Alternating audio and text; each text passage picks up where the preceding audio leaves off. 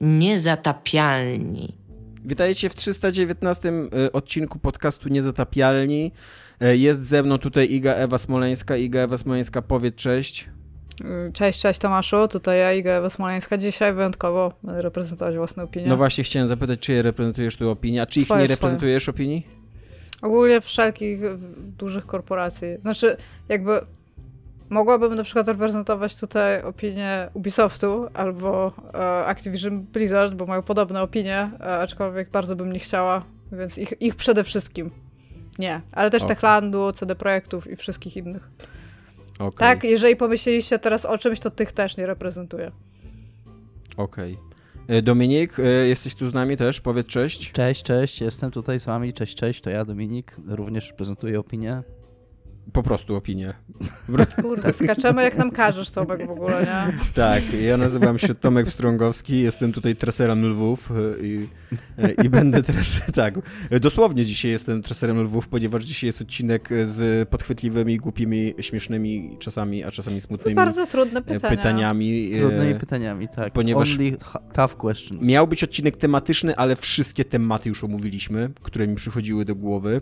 E, zasadniczo Iga, robiąc odcinek odcinek zbiorczy o emocjach. Zabrała nam materiał na bardzo dużo odcinków tematycznych. Ale to możemy wejść w te emocje. Ja myślę, że ludzie byliby szczęśliwi, jakbyśmy tu płakali na przykład. Ludzie to co są, płaczesz, a oni się śmieją, nie wiem. się też będziemy Nie wiem, nie wiem, czy ja jestem gotów wchodzić w emocje. To jest dla mnie dosyć nowy wynalazek jeszcze cały czas i Jesteś białym mężczyzną, rozumiem. No właśnie. To przychodzi z, z czasem. Je, je, jedyna emocja, jaka, jaka mnie interesuje, to jest poczucie triumfu kiedy miażdżę podległą tak. mi cywilizację jakąś.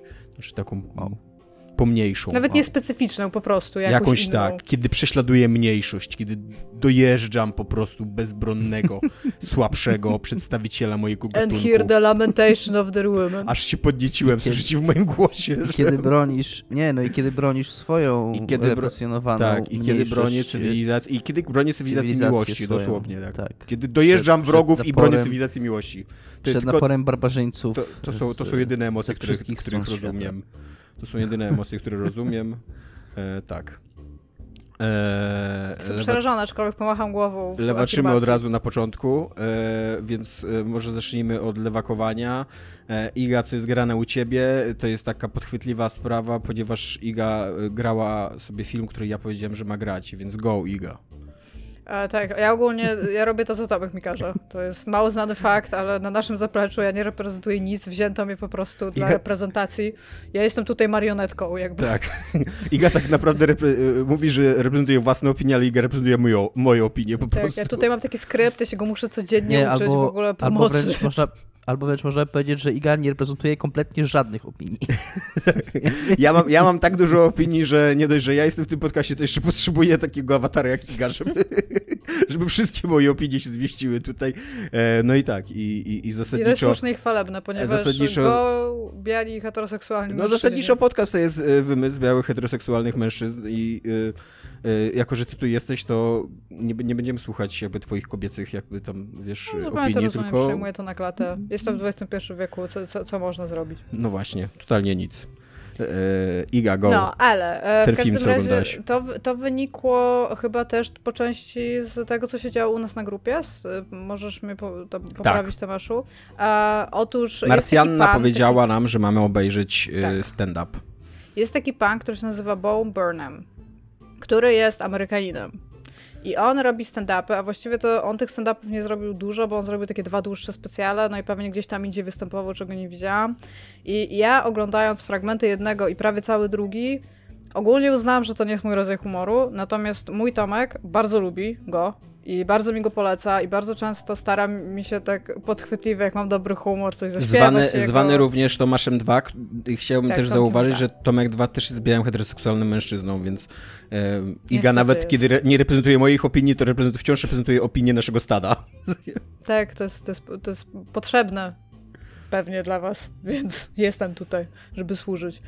Aczkolwiek, e, kiedy napisałam Tomkowi o tym, że. E, bo Tomek napisał, że, że być może powinien. Tomek nasz, tutaj wewnętrzny, Ja. podcastowy Tomek, e, powiedział, żeby to obejrzeć, więc ja wzięłam telefon i napisałam do Tomka 2, bo byłam trochę sceptyczna, ale pomyślałam, możemy sobie z tego zrobić wieczór filmowy. I mówię, Tomek, słuchaj, Bo, twój. W ogóle to jest bardzo trudne, bo ten typ się nazywa Bo. I napisałam, słuchaj, Bo, Bo wydał nowy stand-up. I Tomek mówi, to jest niemożliwe, bym wiedział, że Bo, Bo wydał nowy stand-up. I ja mówię, że no nie, nie, nie, no wydał, wydał. I on się strasznie ucieszył do tego stopnia, że w ogóle po, pomimo tego, że robił coś zupełnie innego, to wrócił po to, żeby go obejrzeć. I kurde, powiem wam, że po pierwsze, i to jest moje takie ogólne wrażenie, totalnie się nie spodziewałam tego, co potem zobaczyłam. I e, jakby od, od razu powiem może, dlaczego ja go troszeczkę nie lubię. E, moim zdaniem on mówi rzeczy, które, w sensie być... Tomek 2 mi to tłumaczył w ten sposób, że on mówi rzeczy, które nie są oczywiste dla większości ludzi, jakby takiego konsumenta, do którego on też jakby bardzo dużo stand-upu mówi o konsumpcji jakie, jakiegokolwiek w ogóle typu. Więc on mówi do takiego konsumenta, takiego trochę nieuświadomionego, być może na temat tego, jak działa kultura. I dużo z tych jego dowcipów pewnie ma bazować trochę na takim, jakby trochę szoku, na zasadzie, o mój Boże, on mówi tak, jak jest, a ja sobie trochę z, trochę z tego nie zdawałam sprawy. On bardzo dużo też właśnie mówi o kulturze białego heteroseksualnego mężczyzny, o tym, że on jest jej przedstawicielem, tylko, że dla mnie te jego dowcipy bardzo często nie mają punchline'u, bo jakby większość rzeczy on po prostu mówi, że coś jest i to jest, jakby i jakby ja o tym wiem, on o tym wie, że, że, że tak jest i jakby jest utalentowanym młodym człowiekiem, co też Zwłaszcza, się że większość jego, niż myślałam. Tak, zwłaszcza, że większość jego dowcipów to są piosenki. Tak, i jakby widzę, że on, on jest takim performerem, ale takim naprawdę widać, że utalentowanym performerem, bo on bardzo dużo operuje nawet na tych stand-upach takich scenicznych, a to dlaczego to odgraniczam od innych, to zaraz też powiem. E, On bazuje bardzo dużo On po pierwsze, y, y, przepraszam, że ci przeszkodzę, ale po pierwsze jest zaskakująco młodym człowiekiem, a po drugie Tak. jest zaskakująco wysokim człowiekiem, albo, ma, sprawa, albo ma tak. bardzo niskie drzwi w domu. Nie, ma, jest, jest wysoki, widać, widać, że on jest wysoki. Te, te drzwi też są niskie, ale w ogóle widać, że on jest dużym typem jakby, nie? A, aczkolwiek e, no to na, na tych scenicznych też, że tak powiem, takich bardziej tradycyjnych rodzajach stand-upów widać, że on ma zarówno dobrą operatorkę światłem, dźwiękiem, no tak jak Tomasz powiedział, jest dosyć uzdolniony muzycznie jeszcze przy okazji, e, ale też choreograficznie dużo rzeczy robi i bardzo widać, że on ma to wszystko takie dopracowane do ostatniego szczegółu. Nawet jeżeli to są jakieś pierdoły, to widać, że w tym momencie coś się dzieje, w tym momencie coś założył i że to będzie. I teraz on wydał taki specjal, który kupił Netflix, Który się nazywa Inside. nazywa Inside. A jakby to jest, to jest jakiś w ogóle taki ewenement y, popkulturowo-multimedialny, to co on wykonał, bo on wykonał półtorej godzinny numer, taki special jakby, który jest wewnątrz jednego pokoju, który opowiada o nim jako o osobie, w, ty, w tych jego kont- kontekstach humoru, który on właśnie zwykle uprawia, czyli krytyka społeczna, właśnie krytyka konsumpcjonizmu, krytyka białej kultury i opresji mniejszości wszystkiego, z co z tego wynika. Aczkolwiek jakby ubrał to w kontekst kwarantanny i swojej walki z tym, jak on się czuje podczas kwarantanny oraz jako, że on też ma dużo tych sketchy takich a propos tego, że on jest performerem, a jest publiczność, to też tego, w jaki sposób to wyrzuciło go z tego kontekstu performatywnego, bo A on też- nie był w stanie już występować naprzeciwko publiczności, stąd on robi coś jakby do nikogo i też pokazuje taką drogę, którą przechodzi, co jest symbolizowane e, tak naprawdę przez jego zarastanie. Warto wspomnieć, że on miał jakieś... Nie, on Pięć tam- lat przerwy miał. Tak, on nie mówi dokładnie co to było, ale sugeruje, że miał jakieś takie załamanie. Mówił, że miał ataki, on w Tak, samym ataki stand-upie paniki mówi, że miał, miał tak. ataki paniki. I na, nawet na scenie miał te ataki paniki Tak. i to spowodowało, że on się wycofał z, No z e, występowania, ale tak.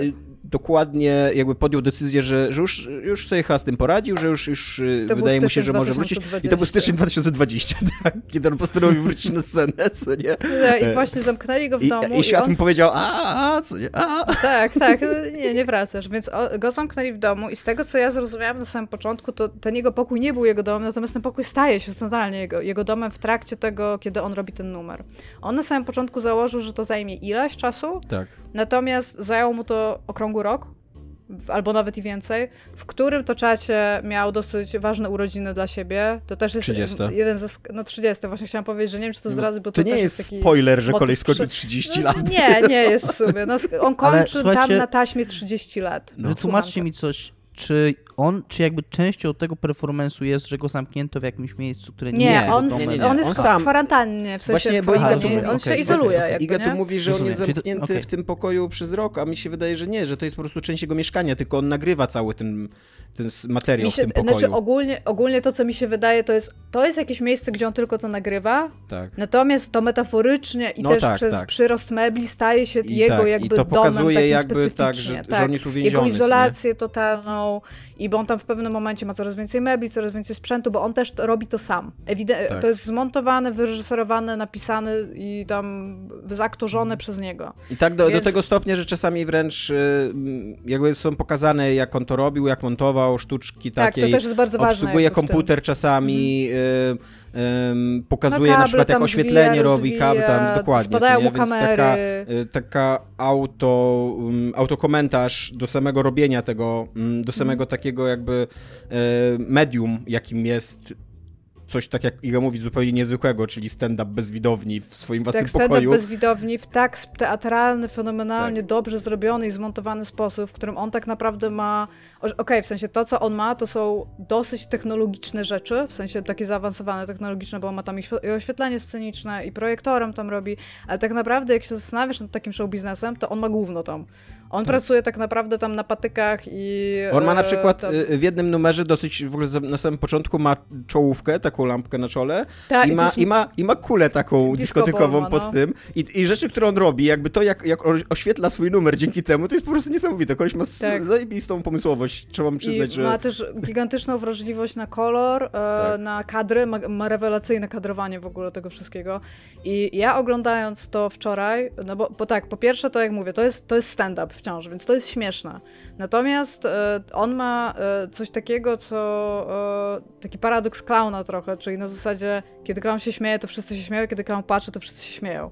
Więc on ma bardzo dużo takich numerów, które tak naprawdę są bardzo trudne dla niego. On opo- ca- ba- bardzo dużo tych rzeczy, które tam się dzieją, jest niby w śmiesznym kontekście, natomiast on ewidentnie ma, on mówi o tym, że ma ze sobą problemy i to widać, że on sobie nie No radzi z bardzo wieloma dla mnie, rzeczami. dla mnie w ogóle ten mm, w ogóle nie był śmieszny ten stand-up. Dla mnie tam jest jeden śmieszny numer e, Znaczy, o... dla mnie w ogóle nie są śmieszne jego dowcipy, ale patrzyłam na Instagramie- Tomka 2, który lubi jego rzeczy i on się, on się chichrał, tak? o Instagramie jakby... białych kobiet jest jeden O Jezu, śmieszny jest numer. bardzo dobry. Taki autentycznie, bo, bo on tam też bardzo fajnie komentuje wszystkie te zdjęcia. I, ja, I totalnie jest tak, że on pokazuje jakieś ujęcie, a ja sobie myślę, kurde, widziałem milion takich Widziałeś tak z 40 takich samych zdjęć, no? Tak.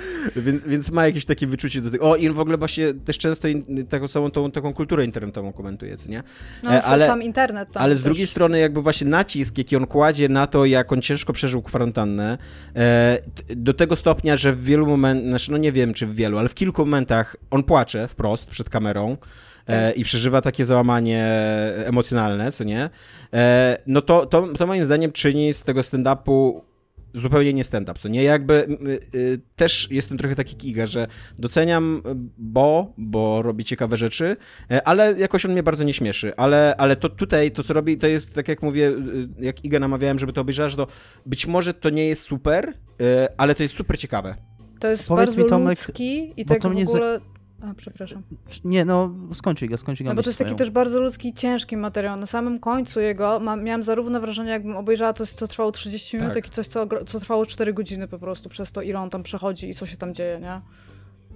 Tak, mam Dominik, pytanie, mam pytanie do płakania, czy, mm, czy on naprawdę płacze? Nie, Bo- y, W jednej scenie jestem 100% przekonana, że płakał, ja taką mam... przed kamerą, Bo kiedy to jest coś, to jest coś na co ja zwróciłem powiedzieć. uwagę chyba właśnie, teraz nie jestem na 100% pewien, ale wydaje mi się, że w nieoszlifowanych diamentach, y, chyba w nieoszlifowanych- diamentach jest taka scena takiego spazmatycznego, e, takiego bardzo brzydkiego płaczu, takiego... Nie, on, on szlocha.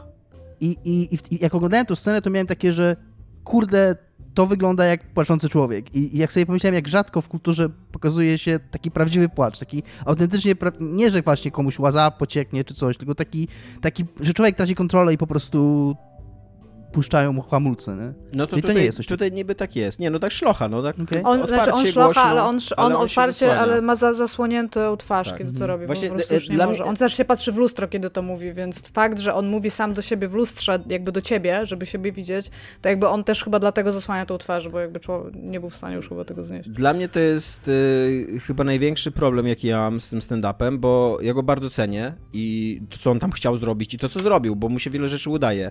I to, i co on ma do powiedzenia i ma właśnie tak, to jest, to jest trochę powierzchowne, bo on chyba się wywodzi z YouTube'a, w ogóle tak mi się wydaje, że on wcześniej był YouTuberem. Więc mi się wydaje, że on się trochę zadowala taką, e, tak jak Iga mówi, mówieniem czegoś, co dla nas wydaje się oczywiste, jakby coś, taki, takie mhm. obserwacje mhm. nie, nie, w, nie, wchodzi głębiej, co nie? Chociaż w jednym momencie wchodzi głębiej byś... i to jest zajebisty moment, czyli sketch ze skarpetką. Ze skarpetką jak, właśnie chciałem powiedzieć. Jak tak, jak, jak pokazuje e, właśnie tą dominację. dobrze też napisany tak, numer. Jakby do, dominację białego człowieka i za pomocą takiej, takiego, takiej figurki skarpetki, co niektóra gada i jednocześnie później jest taki metakomentarz, że on jest też, to on zdominował też tą skarpetkę jakby, co nie? Ona też jest jakby jego głosem w, mm. tym, w tym sketchu. E, I to, to jest super, to jest super ciekawe, ale on, on zazwyczaj się zatrzymuje na takim, tak jak Iga mówi, na takim po prostu Bez zauważeniem czegoś Zauważa i, tyle, i to jest tyle, tak. nie? No. E, I, ale ja jakby mimo wszystko to cenię, ale mam duży problem z tą właśnie jego taką emocjonalną warstwą, mm, bo ja mu trochę nie wierzę. Jakby nie wiem, czy mam prawo mu nie wierzyć, to jest skomplikowana, moim zdaniem, taka relacja, no bo, no bo jednak, e, jednak jeżeli, jeżeli to jest autentyczne, co tam się dzieje, no to ja trochę jestem draniem, że mu nie wierzę, co nie, bo on się odsłania i, e, i wystawia się on właśnie na, na, na ocenę widzów. Nie dość, właśnie... że metaforycznie się odsłania, to tam bardzo jasno na samym końcu się odsłania, w sensie daje... To jest samego tak. siebie. A ja, a ja stąd, właśnie, stąd wynikało to moje pytanie o płacz właśnie, bo to mi tak od razu zapaliło taką lampkę, że... Czy... Znaczy wiesz co, jest kilka takich elementów, gdzie on jest coraz gorzej jakby z nim, bo tak ma wynik, mm jakby fabularnie wynika z tego, że jest coraz gorzej z nim w trakcie tego. E, I miałam kilka takich znaków zapytania na zasadzie, że w ogóle mi się to nie wydawało naturalne, ale z drugiej strony stres jest bardzo różnie jakby przeżywany, też szczególnie prawda, taki ostry stres. Tak. Wiesz, bardzo dużo ludzi na przykład ze stresu bije ręką w ścianę, nie? I na przykład ja bym tak nie zrobiła. Kiedy to widzę, to jakby rozumiem, być może ta osoba jest zestresowana, ale what the mm. fuck? To jest taki, taki element.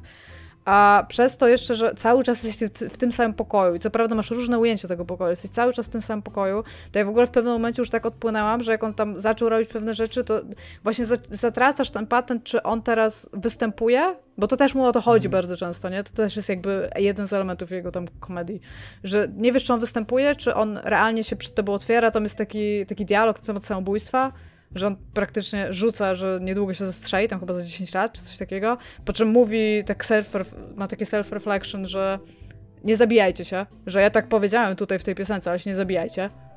Jakby jest, jest taki bardzo długi, takie jakby fatum beznadziei nad tym, ale to już jakby od samego początku on o tym zresztą mówi monologu. Znaczy, ja, ja mam taki problem na przykład właśnie dokładnie z tą sceną szlochu, że...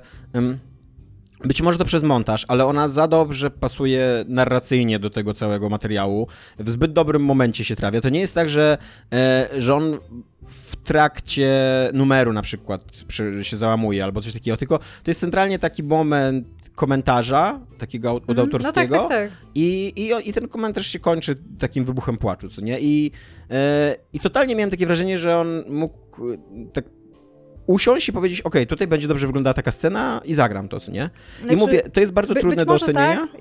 Ja mu jakby wierzę z samego faktu, że chcę mu wierzyć na zasadzie, bo po prostu nie chciałam, żeby to było na tyle cyniczne, jak mogło być cyniczne.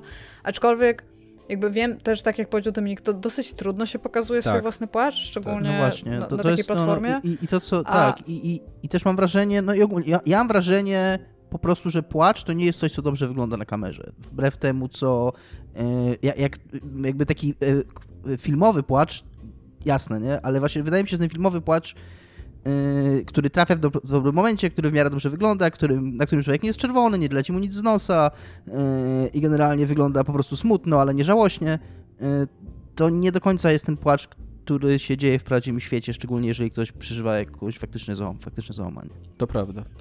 Tak, plus... Yy, oj, zgubiłam myśl. Tym, że ja, póki będziesz szukała tej myśli, to ja, ja jeszcze powiem, że ja bardzo doceniam jakby samoświadomość jego i to zarówno pod względem formatu, w którym on pracuje, jak i siebie jako osoby, jakby to, tego, jak się przedstawia.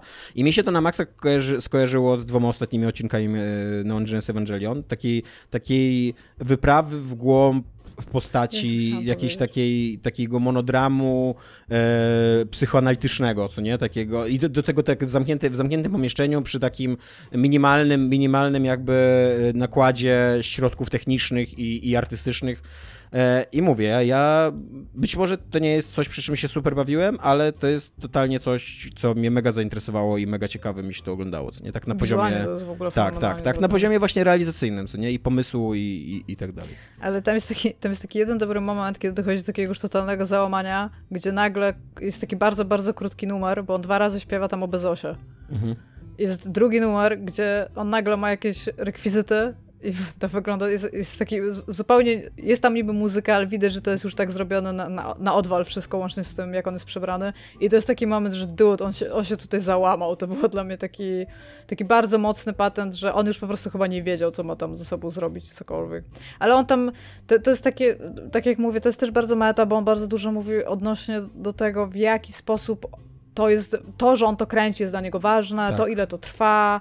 E, Właśnie są te rzeczy, o których mówi Tomek, więc jest pokazana sama praca taka w cudzysłowie za kulisami, ile to wymagało przygotowania, a to wymagało milion przygotowania, wszystkie te ujęcia. I to, ile on poświęca w ogóle takiego e, uwagi do każdego szczegółu, tylko po to, żeby coś było na ekranie tak naprawdę przez 2-3 sekundy i ja to strasznie szanuję w ogóle. Aczkolwiek mówię, tam były ze dwie takie piosenki, które stwierdziłam, o, to jest, to jest fajne, slash zabawne, slash interesujące, a reszta to było takie bardzo słabo się to zaczyna, bo od takiego właśnie monologu na temat tego, że on jest je- białym mężczyzną, więc teraz naprawi świat, bo potrzebuje tego w jakiś sposób, żeby samego siebie lepiej tam postrzegać i że to jest tam egoistyczny pryzmat, przez który to no, be, becie, becie, becie, becie. Tylko właśnie to, to, to mało ze sobą niesie u niego.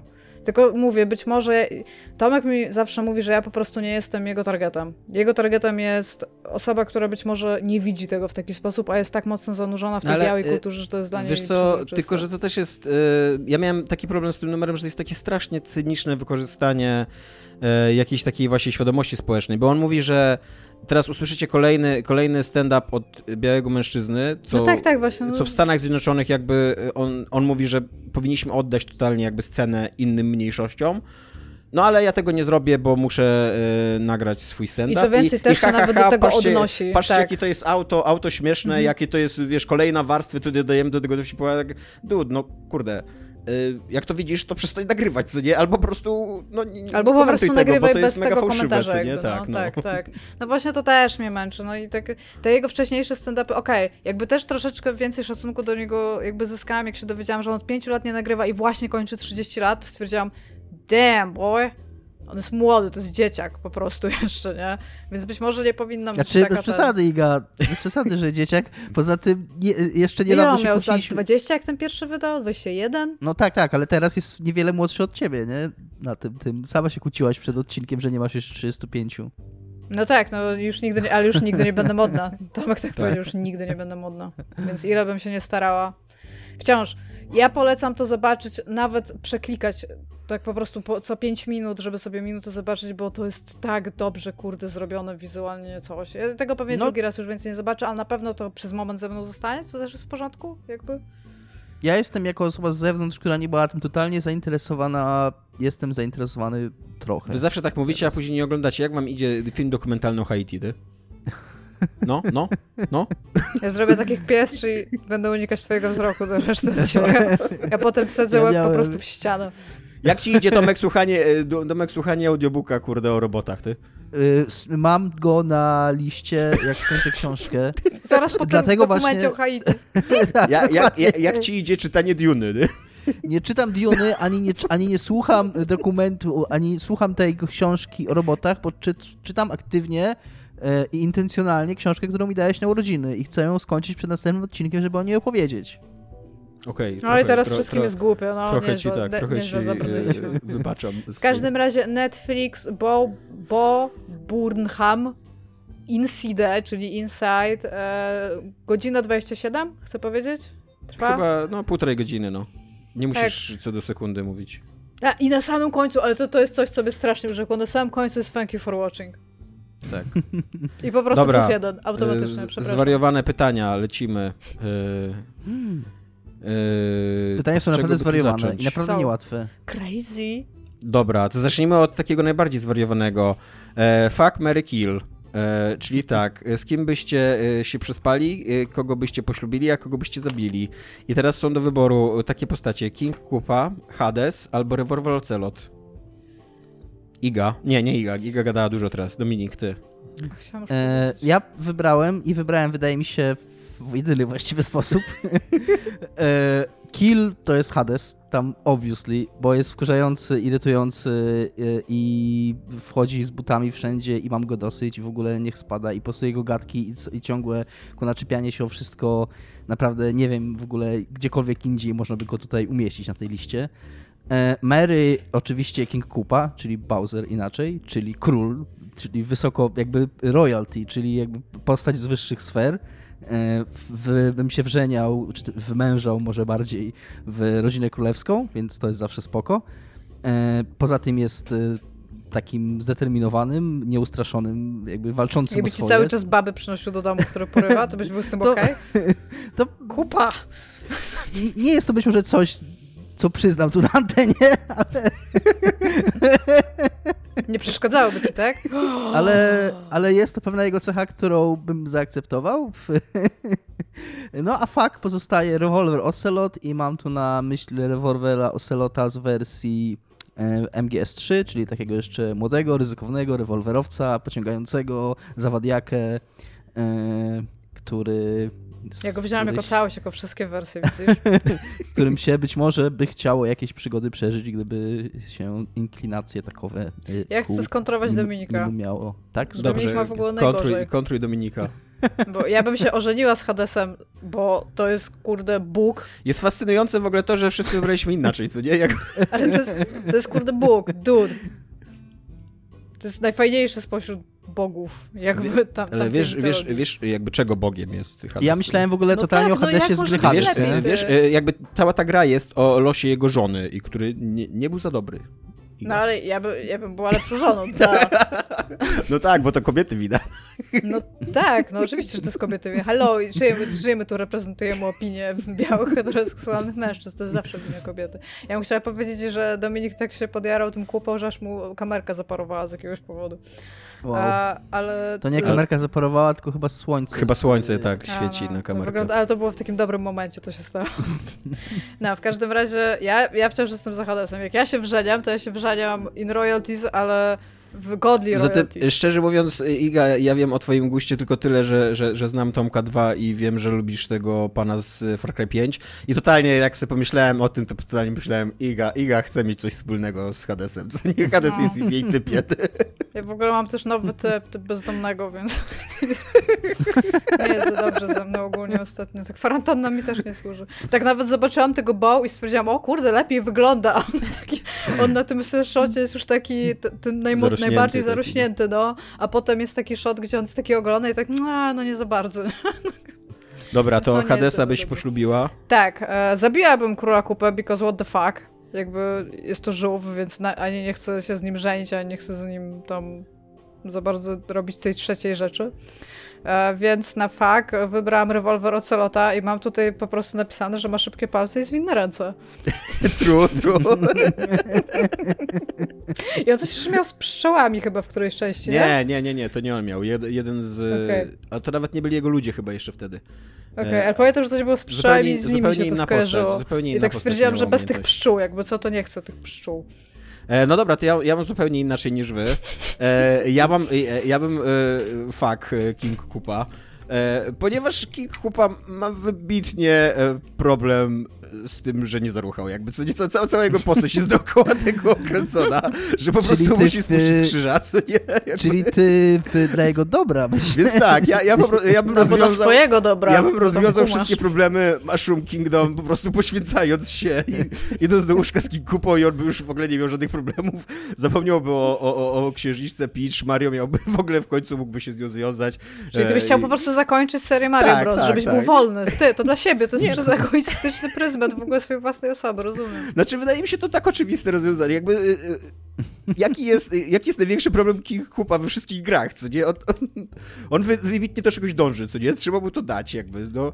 Y, Ja, ja jako lewak wiem, że z terrorystami się negocjuje, co nie? Że to jest taka kowbojska jakby polityka, że się nie negocjuje, z terrorystami się jak najbardziej negocjuje. Czasami trzeba dać trochę tego, co chcą. Nie wszystko, jakby nie, nie, nie księżniczkę musiałby się zadowolić mną, ale jednak, co nie? Myślę, że, myślę, że po tylu nieudanych e, Spoko, próbach Tomasz, byś zadowolił już wielką misję, żeby kimkolwiek. cię uwolnić. E, to tak, e, zabiłbym Hadesa, bo to by rozwiązało problem śmierci na świecie, jakby tam... Czekaj, nie masz wszystkich... Aha, byś się fakował z tym, dobra, Tak, bo my zaczęliśmy od drugiej strony. Zabiłbym Hadesa, bo to by rozwiązało, literalnie by rozwiązało problem na świecie, jakby ludzie po prostu staliby się nieśmiertelni. Królestwo z śmierci byłoby To by zamknięte spowodowało i... wszystkie problemy do, na świecie.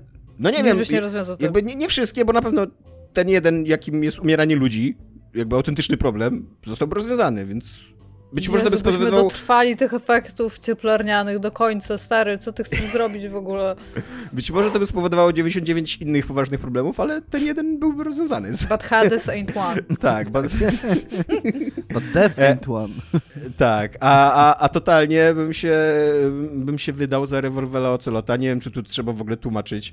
Jakby o, o, obojętne z której gry, y, chociaż mi się najbardziej, y, najbardziej podoba rewolwer Ocelot z ostatniej, z ostatniej swojego, ostatniego swojego wcielenia, czyli y, e, Metal, Metal Gear Solid 4 jest najdalej, jeżeli chodzi o timeline. Aha, w sensie timeline, okej. Tak, tak, jeżeli chodzi, bo, bo on, on tam, tam, już, tam już w miarę wiemy, jakby kim on jest i o co mu chodzi i tak dalej, co nie jest zdeterminowanym samcem alfa, występującym w kilku scenach przynajmniej bez koszulki, tak go pamiętam. Na końcu, na końcu to on już jest takim samcem alfa, że literalnie on się z, ze Snake'iem po prostu naparzają po pyskach tak długo, aż któryś z nich padnie i, i to trwa z 15 minut y, i tak jest 5 za 5 i, i no mm, tak, rozczula mnie to i, i chciałbym mieć takiego, takiego męża, co nie? Jakby.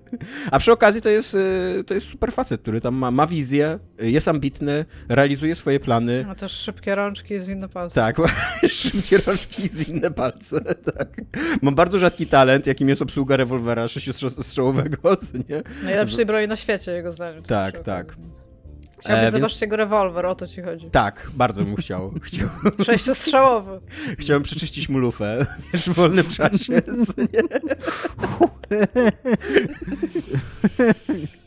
Przypominają się nieczyste zagrywki, co?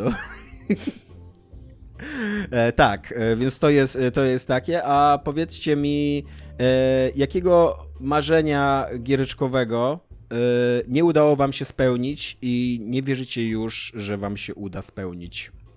E, I teraz Iga pierwsza odpowie na to pytanie. No super, bo bardzo chciałam.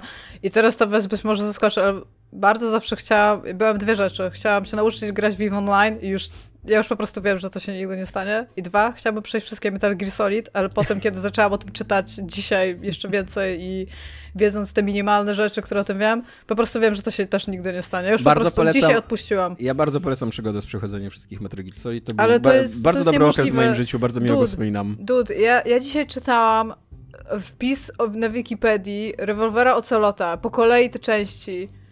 I jeżeli to jest w ogóle, to co ja tam przeczytałam, jest w jakiś sposób przekazane w grze, Jest. Ja, ja nie wiem, czy jestem w ogóle gotowa na dzieło kultury, Nikt- które jest w stanie przekazać tyle treści na temat jednej postaci, która Nikt nie jest gotowy. Iga, na, na, na Metal Gear Solid. Jakby na tym polega, wiesz, potęga Metal Gear Solid. Ja w ogóle, bo będąc człowiekiem z zewnątrz i wiedząc stosunkowo mało na temat tej serii, bo takie podstawy jakby znam, takie, które po prostu się zna, bo się zna jakby, nie? I grałem Mhm. tam trochę w piątkę i grałam trochę w... Trójka to była ta, co potem miała tego jakieś tam Snake Eater i tam wszystkie te? To była Nie, trójka? to trójka. była trójka. A, to tak. No, Tak, tak, no to, to trochę jeszcze w to gram. A, I jakieś tam komiksy czytałam i tam co, coś o tym wiem, nie? Ale kurde, co ja przeczytam o jakiejś postaci, albo co ja obejrzę, jakiś filmik z tam z najgłupszych postaci w ogóle z Metal Gear Solid, The Hot Cold Man i siedzisz, what the Bo fuck w ogóle, Ja ci powiem nie? tak, ja miałem kiedyś, ja miałem kiedyś takiego BF-a z y, Komarem Komaresku. O to, że, że za mało grałem w Metal Gear Solid, bo ja wtedy chyba przyszedłem tylko 2,5 gry. Co to jest w ogóle przecież 2,5 gry? Co nie, żeby się wypowiadać na jakiś temat. Tak jak Domek przyszedł demo persony, nie? Tak, tak. E, I, i, I też jakby resztę swojej, swojej wiedzy czerpałem z e, Wikipedii. E, i, i później, a później miałem tą akcję, że przyszedłem wszystkie Metal Gear Solidy jeden, jeden po drugim i to, to nie ma dużo więcej sensu. To, to emocjonalnie jest trochę lepiej poprowadzone, bo jesteś przyczyniony do tych postaci, więc jakby te, te wszystkie takie absurdalne momenty, zwroty akcji i tak dalej trochę ci się dają emocjonalnie, ale nadal jako ty myślisz sobie, uhu, nie, o Hideo, co nie? Ja sobie mówię, czytam o jakiejkolwiek postaci jakiś jeden akapit i ja po prostu nie mogę uwierzyć, że dobra, jakby kumam, że to się stało, jakby przyzna, przyjmuję to jako fakt, że to jakoś sposób, ten, ale jak ja mam pomyśleć, jak oni to przekazali w jakimkolwiek innym medium niż w tym akapicie, który tu czytam po prostu, to, Za, to ja, Jezu, ja ci to powiem, jest... jak oni to przekazali. W bardzo długich cutscenkach, z bardzo długimi monologami. godzinami, tak. godzinami cutscenek. No właśnie Tak, tak, też pomyślałam, że to nie może być w ogóle grywalne, że to musi być monolog czyjś, bo nawet w dialogu sobie nie wyobrażam. Jak- wychodzą No tak, w bo ogóle tam takie masz- jakieś tam masz poszczególne też- rzeczy. Ty. Tam masz te rozmowy też przez kodek we wszystkich Tak. częściach poza piątką, Tr, gdzie po prostu masz twarze i gadają. I mogą też gadać i, I, gadać. I no. w ogóle tam masz, y, tam masz też takie autentyczne, na przykład jeżeli mówimy o rewolwerze, o, Le- o Celocie, o którym przed chwilą rozmawialiśmy, to masz autentyczne takie monologi złego, po prostu, że on, ha, ha, ha, Snake, mam tak cię tu, w ogóle wy- wydawało ci się, że sam się tutaj sprowadziłeś, ale to ja cię sprowadziłem, to zaplanowane teraz opowiem 30 ci lat temu, ha. I teraz ci opowiem y, etap po etapie, jak do tego doszło. I wtedy, będzie, I wtedy są takie przebitki, i tam retrospekcje, i tam wszystko jest wyjaśniane bardzo szczegółowo. I... Jeszcze, jeszcze super jest to, że za każdym razem jak rewolwer Ocelot się pojawia, który się pojawia chyba w każdej grze, to Snake mówi rewolwer Ocelot. Na wszelki wypadek jakbyś nie wiedział jak to to jest, ale jednocześnie kamera się zachowuje, zatrzymuje i wchodzi taki podpis rewolwer Ocelot, grany przez tego, tego aktora. Tym bardziej, znaczy, Metal mówię, to jest takie, to jest takie moje marzenie, ale like, To jest Jesus nie za rewolwer, za, za Metal Gearem, kurde. Widać to trochę po tych pytaniach, szczerze mówiąc. tak, tak, to jest fakt. E, A przy do- okazji, e, czytając te pytania i tam zadałam kilka z nich e, ziomkowi w pracy, tak się podjarał tymi pytaniami, że powiedział, idę, idę tam, dobra, wiesz co, kończę pracę, idę pograć w Metal Geara pierwszego, nie? O, w pierwszego totalnie bym pograł, bo pierwszego nie ogrywałem wtedy w trakcie tego mojego maratonu. Chyba jest E, na Gogu? Chyba tak. Dominik, e, jakiego popkulturowego albo giereszkowego marzenia już nie spełnisz? Ja zupełnie od innej strony podszedłem do, tego pytania, bo ostatnio trochę gram na PC-cie y, znowu z różnych powodów, o których jeszcze powiem i myślałem o tym, jak spojrzałem na to pytanie, jak długo w moim życiu, będąc y, i dzieckiem, i studentem, później mm, takim moim niedosięgionym marzeniem było, żeby mieć mocnego PC-ta, w sensie mieć taki komputer, żeby gry faktycznie na nim chodziły płynnie. Nawet nie chodzi o to, żeby tam super nie wiadomo jak, ale żeby, żebym po prostu się nie musiał martwić o to, bo to jak za moich takich pierwszych przygód z grami to takie coś, że gra chrupie, e, zwalnia, że muszę ustawiać detale, ale to jest coś, co mi towarzyszyło praktycznie zawsze. Więc y, to przez długo, długo myślałem, że jak już będę... W ogóle mi się wydaje, że jak my mieliśmy te, te lata 90., jeszcze wcześniejsze lata 90., e, to mi się Mhm. wydawało, że, te, że, że to, że gra chrupie, to był jakby part of experience, nie? Jakby Tak. ja sobie nie wyobrażałem, że można inaczej grać. Tak, nie? ale, ale wtedy wchodziły też te pierwsze programy. Był program Escape, on był chyba pierwszy, gdzie pokazywali gry i, one, i jak się patrzyło na to i te gry, i że one działały tak płynnie, wszystko i takie what the fuck, nie? I miałeś taki, że tak w ogóle nie wierzyło się, I o mój tak- Boże, w Command and Conquer są filmiki? Że tak, że tak mogą gry działać. mojej więc- dyskietkowej wersji nie ma. No i, i mam tego peceta, tam po prostu to był taki gotowy, złożony komputer e, i ja mam z nim trochę problemów od jakiegoś czasu, bo wspominałem o tym, że on mi się randomowo wyłącza i to jest prawdopodobnie zasilacz i ja ilekroć myślę, ja muszę kupić kompletny liście zasilacz. zasilaczy pewnie masz zasilacz stary. No nie wiem, on jest może jakiś stary, coś tam się w nim zrobiło i tam po prostu czasami ten i się komputer resetuje. To jest taki najbardziej chyba, Chyba mam zasilacz, który mógłbym ci oddać. najbardziej, tylko że ja, jak ja nawet ze dwa już czy trzy razy próbowałem ten komputer otworzyć, żeby zobaczyć ten zasilacz i go wyjąć, to ja już nawet na etapie, kiedy Aha, ty, do ty, ty, takim jesteś. i mam, i myślę sobie, ale mi się nie chce, nie? Więc jakby, yy, a, a mam taką czasami wizję właśnie, bo to jest, to jest niezły komputer ogólnie. Ja myślę, że jakbym wymienił zasilacz na mocniejszy, wstawił tam jakąś kartę graficzną porządniejszą Wymienił płytę główną i być może nawet nie. trochę procesor. Myślę, że ten, procesor nie jest jakiś super, ale jest taki, czytałem nawet w internecie, wklepywałem, że jakbym tam GeForce'a 1650 GTX wrzucił, to on by jakoś ten procesor nie bottleneckował go, tam jest 16 GB RAMu i w zasadzie mógłbym sobie zrobić komputer taki przyzwoitego PC do gier, może Ale nie nie do 4K, Kartę graficzną. Nie, nie ale właśnie, ale ilekroć, ale ilekroć myślę o tym zasilaczu, że mi się kurna od, od nawet nie miesięcy, od lat, bo ten problem już jest więcej niż rok. Ja go miałem przy Kingdom Come, jak recen- recenzowałem, to on był bardzo widoczny, bo, bo ta gra była taka wymagająca. I że ja przez te lata jakby nie jestem w stanie nawet tego komputera rozkręcić i wymontować tego zasilacza i kupić nowego i go włożyć, to jestem pewien, że kurna kupienie nowej karty graficznej, jeszcze jak myślę o tym Boże, bo tam jakieś trzeba, pewnie są różne sloty i pewnie musiałbym się zastanowić, ile ten wa watów musi mieć zasilacz, 2400 Takie- jest teraz za 1600. Ja ci powiem, Dominik, jakby y, to, że w ogóle o tym mówisz, y, świadczy o tym, że tego nigdy nie zrobisz, ale tak. jakby y, dla spokoju sumienia ci powiem, że to jest o wiele prostsze niż ci wydaje. Ja wiem, ale mi się po prostu strasznie nie chce. jakby jeżeli, jeżeli jak coś to będę pamiętał, żeby zgłosić się do ciebie po konsultację, natomiast no jest to moja odpowiedź na to pytanie, ponieważ również mam wrażenie, że to się nigdy nie wydarzy. Dobra.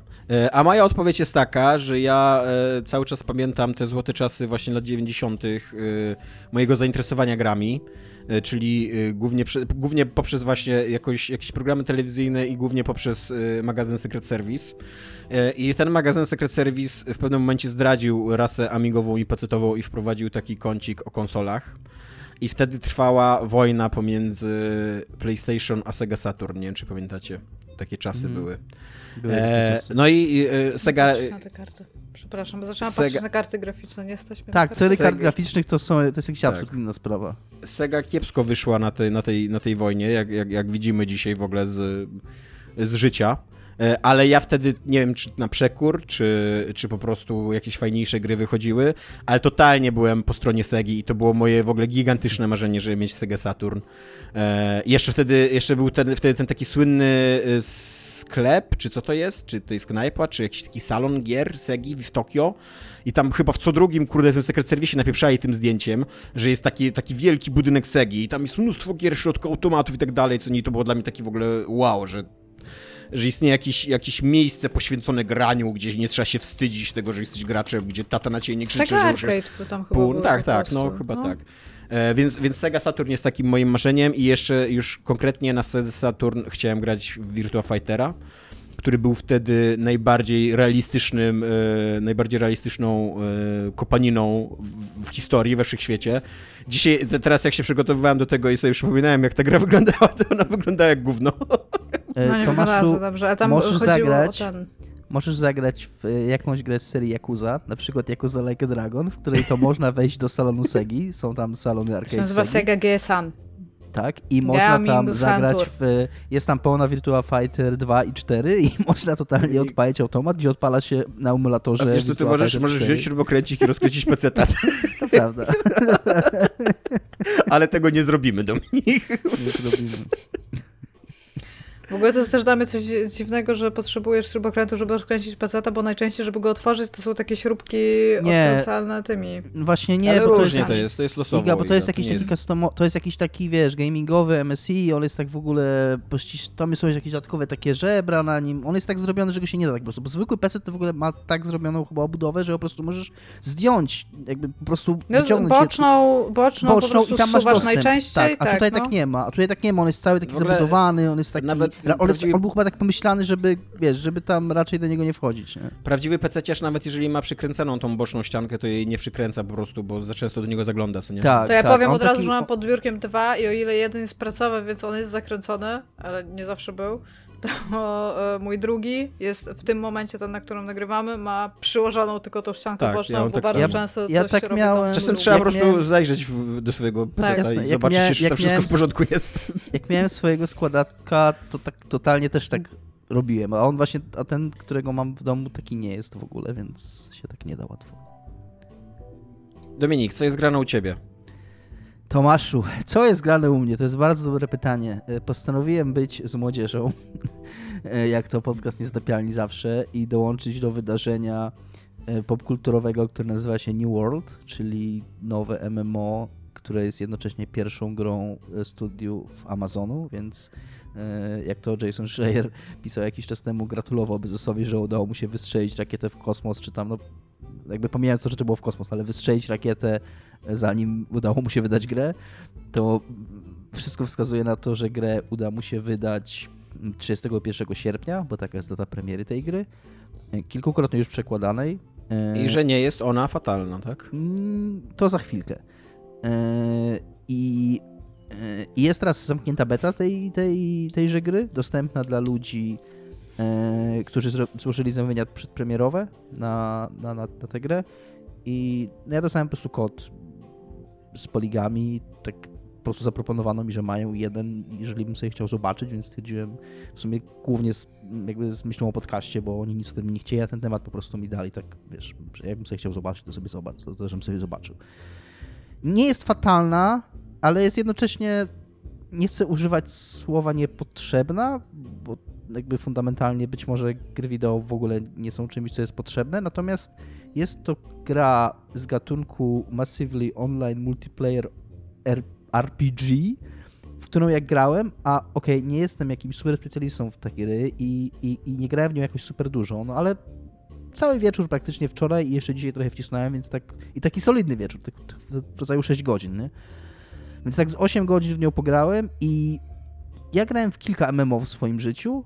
Yy, też mówię, nie jestem jakimś super specjalistą. Grałem dawno temu, grałem w Anarchy Online. To było takie stare, stare MMO jeszcze sprzed WoWa. Grałem w WoWa najwięcej. Po, grałem trochę w Guild Wars, grałem trochę w yy, ten Lord of the Rings Online. Yy, trochę próbowałem Old Republic. EVE Online próbowałem, ale to nie, ta przygoda się bardzo szybko skończyła. A w Final Fantasy grałeś? O, Final Fantasy grałem sporo, tak. I każda z tych gier, poza WoWem, który, który został wydany w 2005 roku, czy 2004, jakoś tak, który był, WoW to był czymś takim, co robi Blizzard, czyli taką syntezą jakby aktualnego stanu gatunku, tak?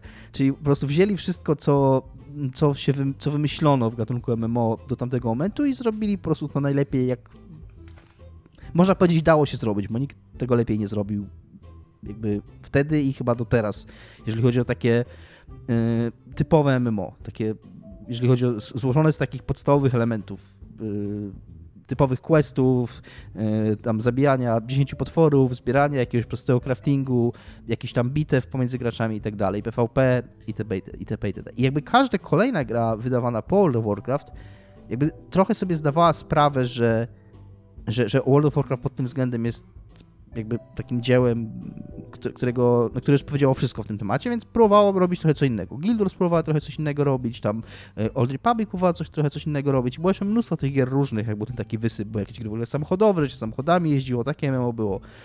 Natomiast New World, gra wydana przez Amazon, firmę dysponującą, no mówmy się, nieograniczonymi potencjalnie środkami, jeżeli chodzi o finansowanie takiej gry, które ma być jednocześnie wejściem e, tego giganta na zupełnie nowy rynek dla niego, to jest gra, w którą się gra identycznie, identycznie jak się grało w World of Warcraft w 2005 roku. Nawet nie teraz, bo World of Warcraft też ewoluował. To jest gra, w którą w tej chwili gra się jak World of Warcraft w 2005 roku. Podchodzisz do ludzika, on ci mówi, że masz tam iść, zabić 10 szkieletów, idziesz i zabijasz tam 10 szkieletów. Mm, nie ma żadnego pomysłu ta gra. Mi się w to grało, z... znaczy jeszcze raz, mm, jakby żeby wrócić do tego, że jak powiedziałem, że nie jest fatalna. Mhm. To wszystko działa wciąż. Jakby nie mówię, że to nie działa, ale ale to jest po prostu klon World of Warcraft. To, oni tam robią bardzo duży thing z A tego... jaki tam jest y, y, lore i setting? Tam praktycznie nie ma loru. Właśnie to jest coś, co, y, co troszeczkę odróżnia. Y, wydaje mi się, że trochę być może na korzyść, paradoksalnie, bo mi się wydaje, że to ma być bardzo taka gra, w której, którą gracze pociągną, która taka bardziej jak EVE Online niż jak World of Warcraft czy Final Fantasy XIV, czyli mniej fabuły, mniej jakiegoś tła fabularnego, mniej loru, bardziej takie jakiś kontekst. szkielet, kontekst bardziej, który gracze wypełnią jakimiś tam e, e, wyłaniającymi się, czy, czy jakimiś tam własnymi wojnami, frakcjami i jakby są podwaliny pod to podłożone, bo mm, mapa jest podzielona na tam, nie wiem, ileś regionów, nie, nie pamiętam, znaczy nie liczyłem, ale tam coś w rodzaju 8, 10, coś takiego, nie? E, I, I te regiony, jest ileś tam frakcji w grze, aktualnie 3, natomiast gra sama sugeruje, że ich może być więcej później. I gracze się przyłączają do jednej z tych frakcji, możesz być tylko w jednej naraz i tam raz na chyba 3 miesiące czy 4 możesz zmienić ją. E, I i te frakcje między sobą walczą o te terytoria, więc tam są jakieś, będą jakieś bitwy i, i jakby w wyniku tych bitew gracze będą te, te, terytoria między sobą przejmowali. I to brzmi na papierze bardzo ciekawie, ale to też nie jest w ogóle nowy pomysł, bo, bo coś takiego właśnie jak wielkie bitwy graczy, które będą tam wpływały na świat. World of Warcraft też miał Battlegrounds i okej, okay, być może tam nie widziałeś na mapie, że tam ten obszar należy do tej frakcji, e, ale poza tym, że to widać na mapie, no to z tego, co ja grałem i widziałem, no to tam efekty tego, że jakiś obszar należy do jakiejś frakcji, to są takie, że tam 5% więcej doświadczenia ludzie z tej frakcji dostają. To nie jest tak, że to tam jakieś... Że jakby dopóki gracze nie napełnią tego sensem jakby nie, nie dobudują sobie do tego jakichś własnych historii i, i, i jakiejś rywalizacji takiej, że faktycznie powstaną jakieś gildie, które, w których będzie się coś działo i jakby dopóki, mówię, z mojego punktu widzenia i znów, jasne, grałem w tą grę 8 godzin, nie? więc tam to jest MMO i być może tam wszystko zupełnie inaczej później wygląda, ale, ale to jest wszystko jak na grę, która wychodzi w 2021 roku, to wszystko działa i ja dawno nie grałem w MMO, więc te gry są bardzo dobrze zaprojektowane i Amazon to wie, zatrudnił specjalistów, więc jakby ma to ogarnięte, żeby tam te wszystkie sznurki pociągać w głowie, żeby ci się chciało biegać i tamten. Ładnie wygląda w miarę jak na MMO. Dosyć śmieszną miałem dzisiaj yy, rozmowę z Owsianym, jak, jak właśnie gadałem o trochę o tej grze i, i piszę do niego, że, że ładnie wygląda, a Owsiany tak pisze do mnie, o, to w ruchu to ładnie wygląda? taki, taki, taki, taki burn w ogóle. Tak, bo rzeczywiście na tych screenach, co wrzucałeś, e, nie wygląda to nadzwyczajnie. E, no, też nie takie screeny z bliska mm, e, robiłem, być może, być może one nie do końca oddają to, ale jak na MMO wygląda spoko i z tego choćby powodu, że ładnie wygląda, to po prostu chciałoby się ten świat oglądać i, i on ma fajną skalę i, i, i taką ma, no to jakby chciało, chciało mi się biegać po nim, choć, choćby po to, żeby wejść na górę i zobaczyć, co tam, co jest na tej górze, nie?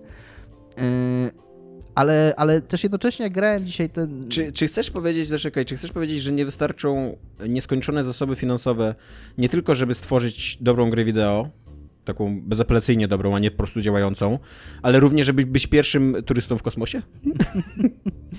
ta gra, tak, ta gra nie ma na siebie kompletnie żadnego pomysłu. I znów, być może ona gdzieś ten pomysł kryje, ale wydaje, nawet jeżeli tak jest, to wydaje mi się, że jeżeli wchodzisz na rynek, mm, nawet nie chcę powiedzieć, że on jest jakiś super y, mm, y, konkurencyjny, nasycony, bo, bo, być może nie jest, bo, bo to już nie są te czasy World of Warcraft, ale, ale jednocześnie jakby World of Warcraft był i wciąż istnieje, E, I oni wchodzą na ten rynek, który już przeszedł swoją, który już miał swoją bańkę, który już miał walkę na szczycie, który już tam trupy się posłały, już jakby wszystko już było na tym rynku. I coś tak jak Amazon, kiedy wchodzi do niego, to jednak wydaje mi się, że oczekiwanie powinno, moglibyśmy mieć takie oczekiwanie, że oni przedstawią jakby na twarz od razu jakby co oni, Amazon, mają do powiedzenia w temacie. Właśnie, bo e, tak MMO. jak mówię, że jakby ten, ten, ten rynek MMO to już nie są te czasy, kiedy po prostu pokazujesz, że masz wielki świat i wielką grę i łowisz zachwyconych graczy, tylko to już jest taki ustatkowany rynek, gdzie każdy ma tak. swoją grę i jeżeli chcesz zdobyć publiczność, to musisz zaproponować coś fajnego, ciekawego, nowego, co nie? Tak. I Żeby oni zostawili tego WoWa i, i, poszli w innym kierunku. I ta gra zupełnie... A walka, rozumiem, jest taka jak w starych takich e, no, klasycznych papierowych RPGach. Ty atakujesz ma... teraz, nie, no. a teraz ja atakuję ja. Nie, nie, no właśnie tak? to jest coś, to jest coś, yy, okej, okay dobrze, że ja o tym mówisz, bo trochę o tym zapomniałem, bo to też jest coś, o czym się szybko niestety zapomina grając tą grę. Bo ona, to można by w pewnym sensie uznać za, za jakoś tam jej wkład. Ona z pewnością nie robi tego jako pierwsza, ale okej, okay, pod tym względem trochę się różni od, od tych klasycznych MMO i, i w szczególności od World of Warcraft, że ma grę zrobioną jak gra akcji to znaczy. Czyli hitboxy. Czyli są hitboxy, czyli się u, u, ustakujesz. Możesz, jak, tak, dokładnie jak przeciwnik ciebie tam włócznią strzela, to jak odskoczysz, to, to on ci nie trafi. Nie? Jak masz tarczę, jak tą tarczą wysuniesz w odpowiednim momencie, to możesz zablokować. Także faktycznie to jest zrobione. Oczywiście to, to ani trochę nie jest dobra gra akcji, to jest gra akcji, która wciąż jest MMO, no ale taka bardzo podstawowa. To znaczy, na tyle, na ile grałem, to faktycznie działa. I, i jest to jakaś frajda. Walczyłem tam dzisiaj z jakimś, wiem, piratem, który był level 13, ja byłem level 11 i miałem takie wrażenie, że faktycznie to miało znaczenie, że, że blokowałem te jego, te jego uderzenia, jakbym ich nie zablokował, to bym nie zabił, a, a przez to, że je skutecznie blokowałem, to, to udało mi się go pokonać. No. Więc, yy, więc tak, to, to, to, to jest coś, co ta, co ta gra ma. Yy... To jest akurat super spoko, to jest było najgorsze, co tak. pokazał World of Warcraft tak. i co potem tak. było kopiowane, kopiowane, Dokładnie. Kopiowane. Stoisz przed kimś, to się losuje i, I po prostu I po prostu rzuca, po prostu tak, nie ma znaczenia, gdzie stoisz, yy, chyba, że po prostu odbiegniesz na tyle daleko, że, że walka się jakby wyłączy, nie? Yy, więc to jest okej, okay, ale... Czy poznałeś przyjaciół? Nie poznałem przyjaciół za bardzo, natomiast y, y, y, tam sobie oczywiście czytałem czata globalnego i ktoś mi bardzo fajną rzecz napisał. Pyta, pyta ktoś, bo gra jest oczywiście bardzo zabagowana ciągle, mm, no ale powiedzmy jest to beta, także nawet jeżeli jest miesiąc do premiery, no to też nie wiadomo jaki to jest, jaka to jest wersja kodu, oni mogą specjalnie... No i to też jest MMO, więc ono pewnie jeszcze długo będzie zabagowane. Dokładnie. I ktoś tam napisał, ej, słuchajcie, czy wy też macie tego baga, przez którego przeciwnicy czasami was atakują, albo nawet do was strzelają, zamiast stać nieruchomo i, i, i po prostu wybierać wasze strzały na twarz? że, że podobno tak powszechne. Ja na szczęście tego nie zauważyłem, ale Tomek Pilaski, który gra, mm, on to ma i właśnie ludzie się bardzo skarżą, że, że są olbrzymie problemy z y, AI. To znaczy, że bardzo często wrogowie po prostu stoją i, i, i ty ich bijesz i się nie ruszają. Ja tego nie miałem. E, jakby to nie jest takie ważne i, i, i, wydaje mi się właśnie, że ludzie, którzy grają w MMO... Może oni tutaj, e, wiesz, kopiują najlepszych, czyli Cyberpunka. Może. że, że, że, to nie, że jakby to wszystko można by wybaczyć tak jak mówisz, to jest MMO, to będzie zmieniane, poprawiane, skalowane i tak dalej. E, gdyby ta gra, no, no mówię, ona niczym nie przyciąga intrygującym. No, ma w miarę nie chcę powiedzieć nawet, że ciekawy, bo on nie jest jakiś super ciekawy, ale powiedzmy względnie oryginalny pomysł na stylistykę, bo to jest takie trochę jak Gridfall, taka gra była. Czyli takie trochę kolonialne, trochę piraci, jakieś tam muszkiety. Yy, jak... Tomek przeszedł tą grę, Tomek 2. Okej. Okay.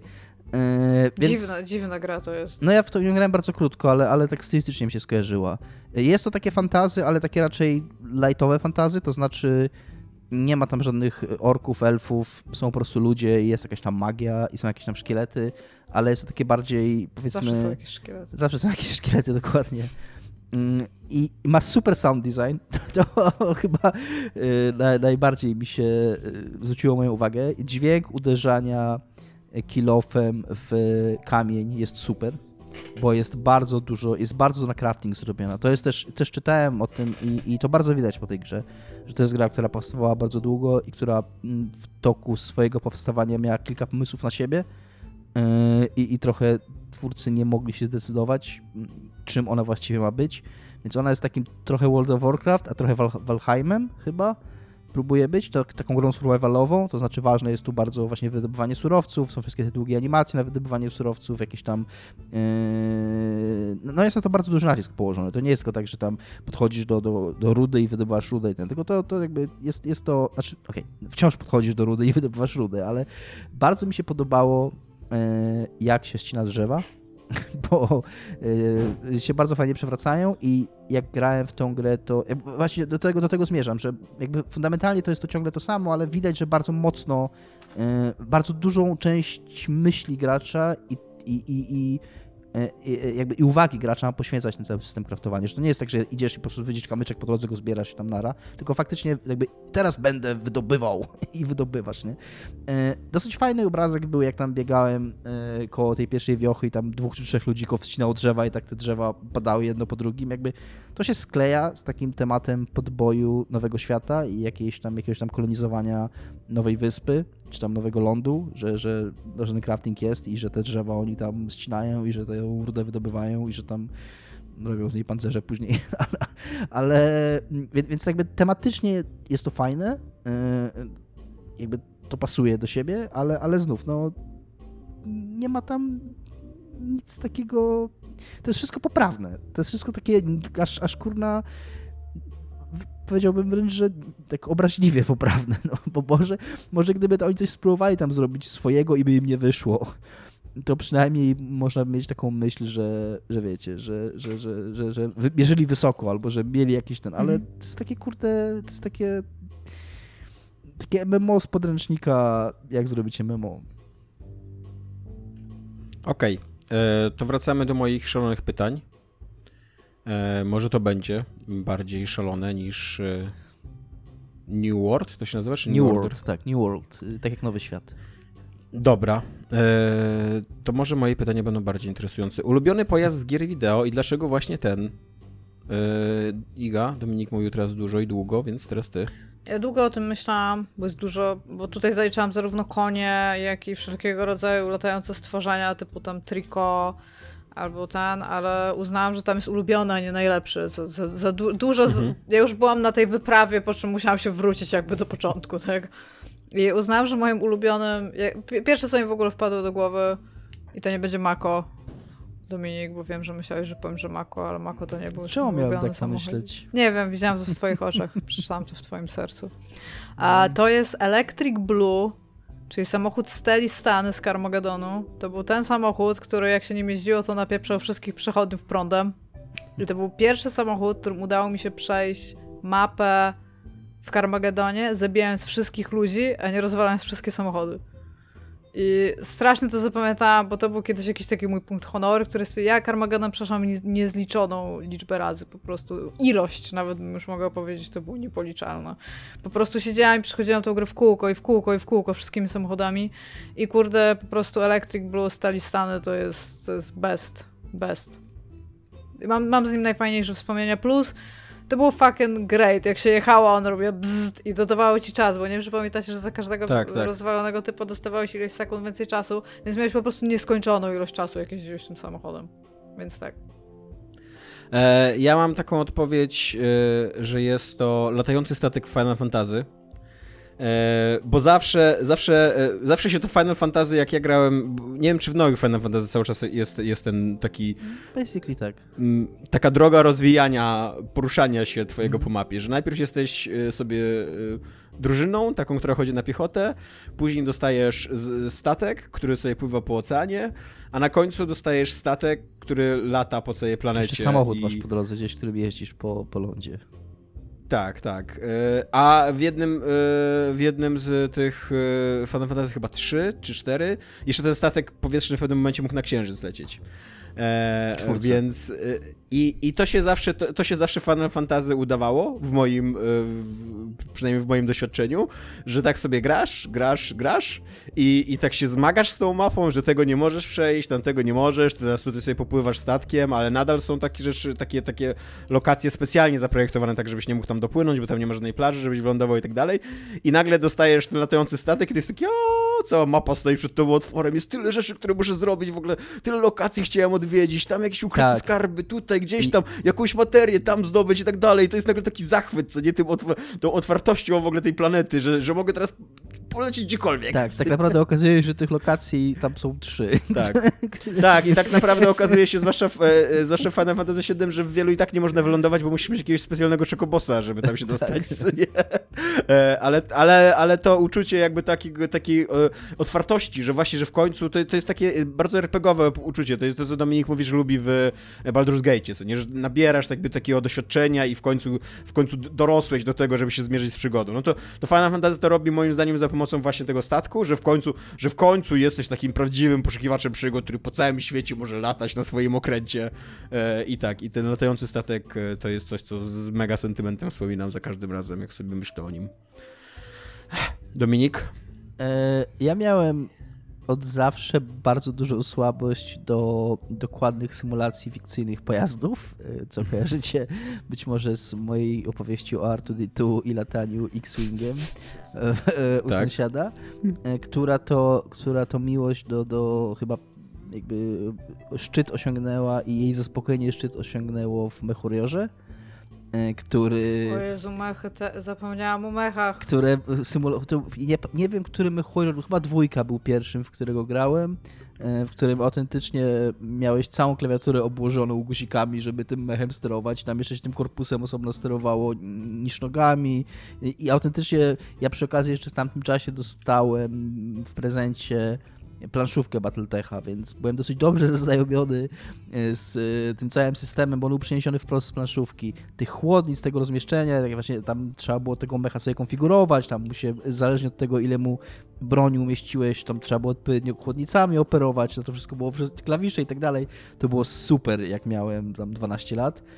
E, Ta historia ma niestety smutne zakończenie, bo, bo próbowałem odpalić Mechoriora 5, który wszedł ostatnio do Game Passa niedawno, którego, który jest bardzo zrobiony w stylu tamtych gier i tam się znudziłem tym po 3 minutach jakby.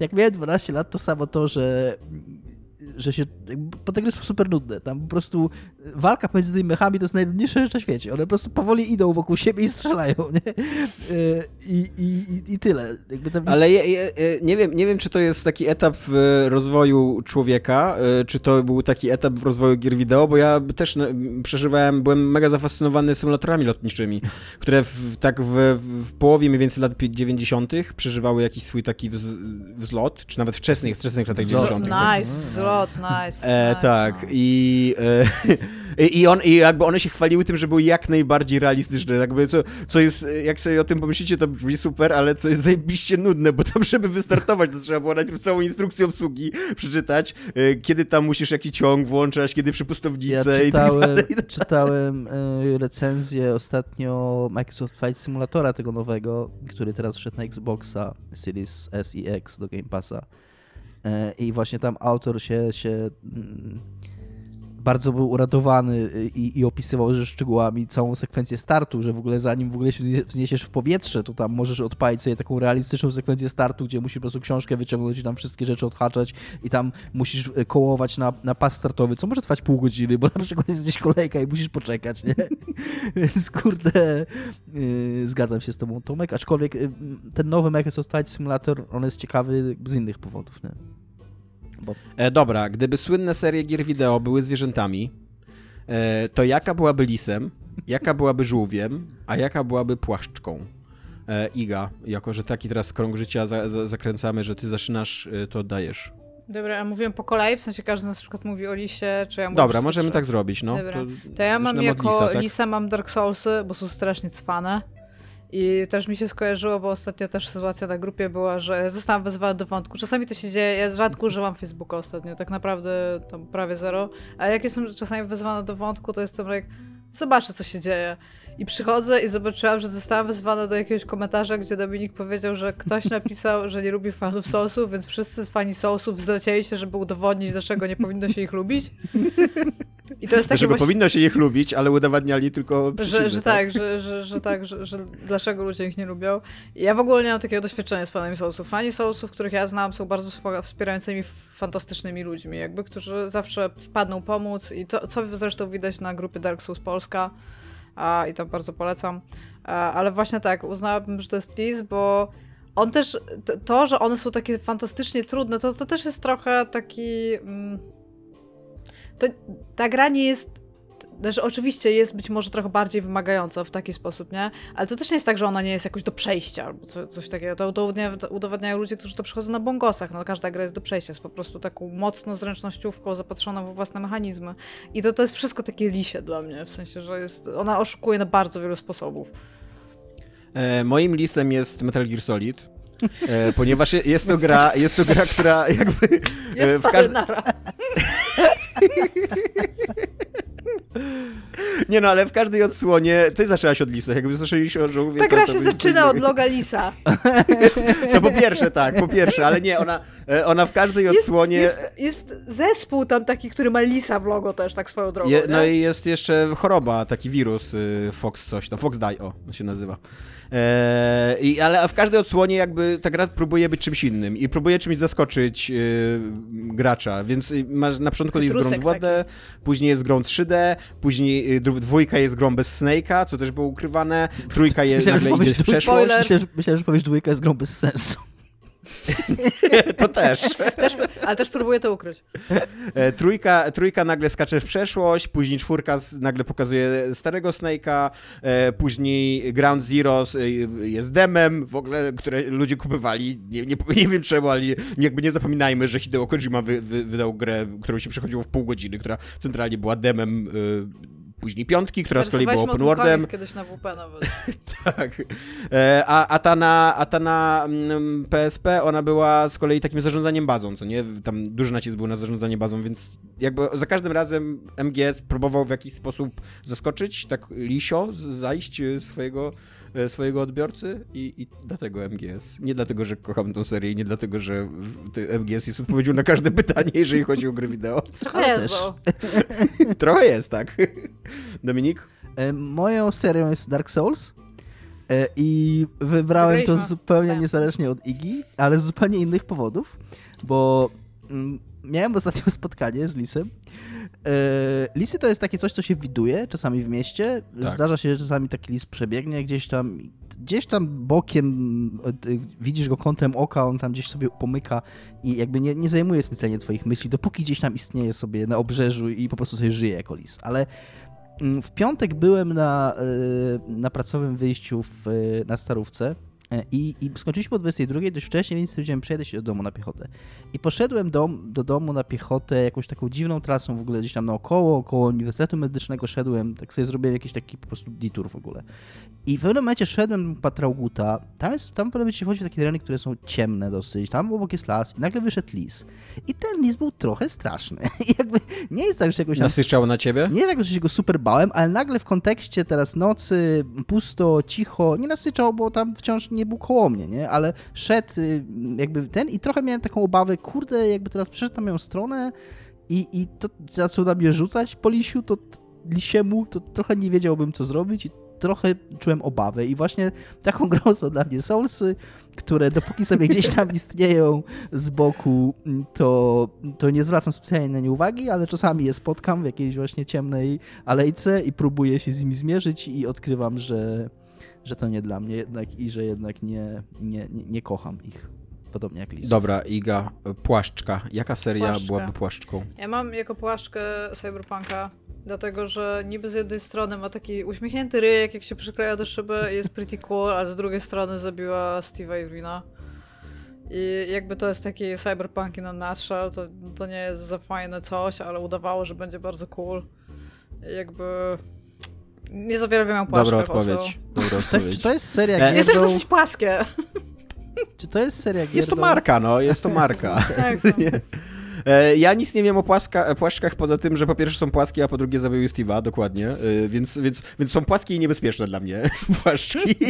Tyle wiem. E, I w związku z tym płaszczką jest dla mnie Fire Emblem, e, bo to jest taka seria, e, która jak znajdzie jakąś nową formułę, to jest. To, to ta seria się tak spłaszcza i na przykład wydają cztery takie same gry i, i, i, przy, i to przez 8 lat wszyscy się podniecają, że wychodzi ten Fire Emblem, który jest dokładnie taki sam jak poprzedni Fire Emblem, a później wypuszczamy jeszcze jednego Fire Emblema, ale on będzie miał aż trzy kampanie, które będą dokładnie takie same jak wszystkie poprzednie, co nie?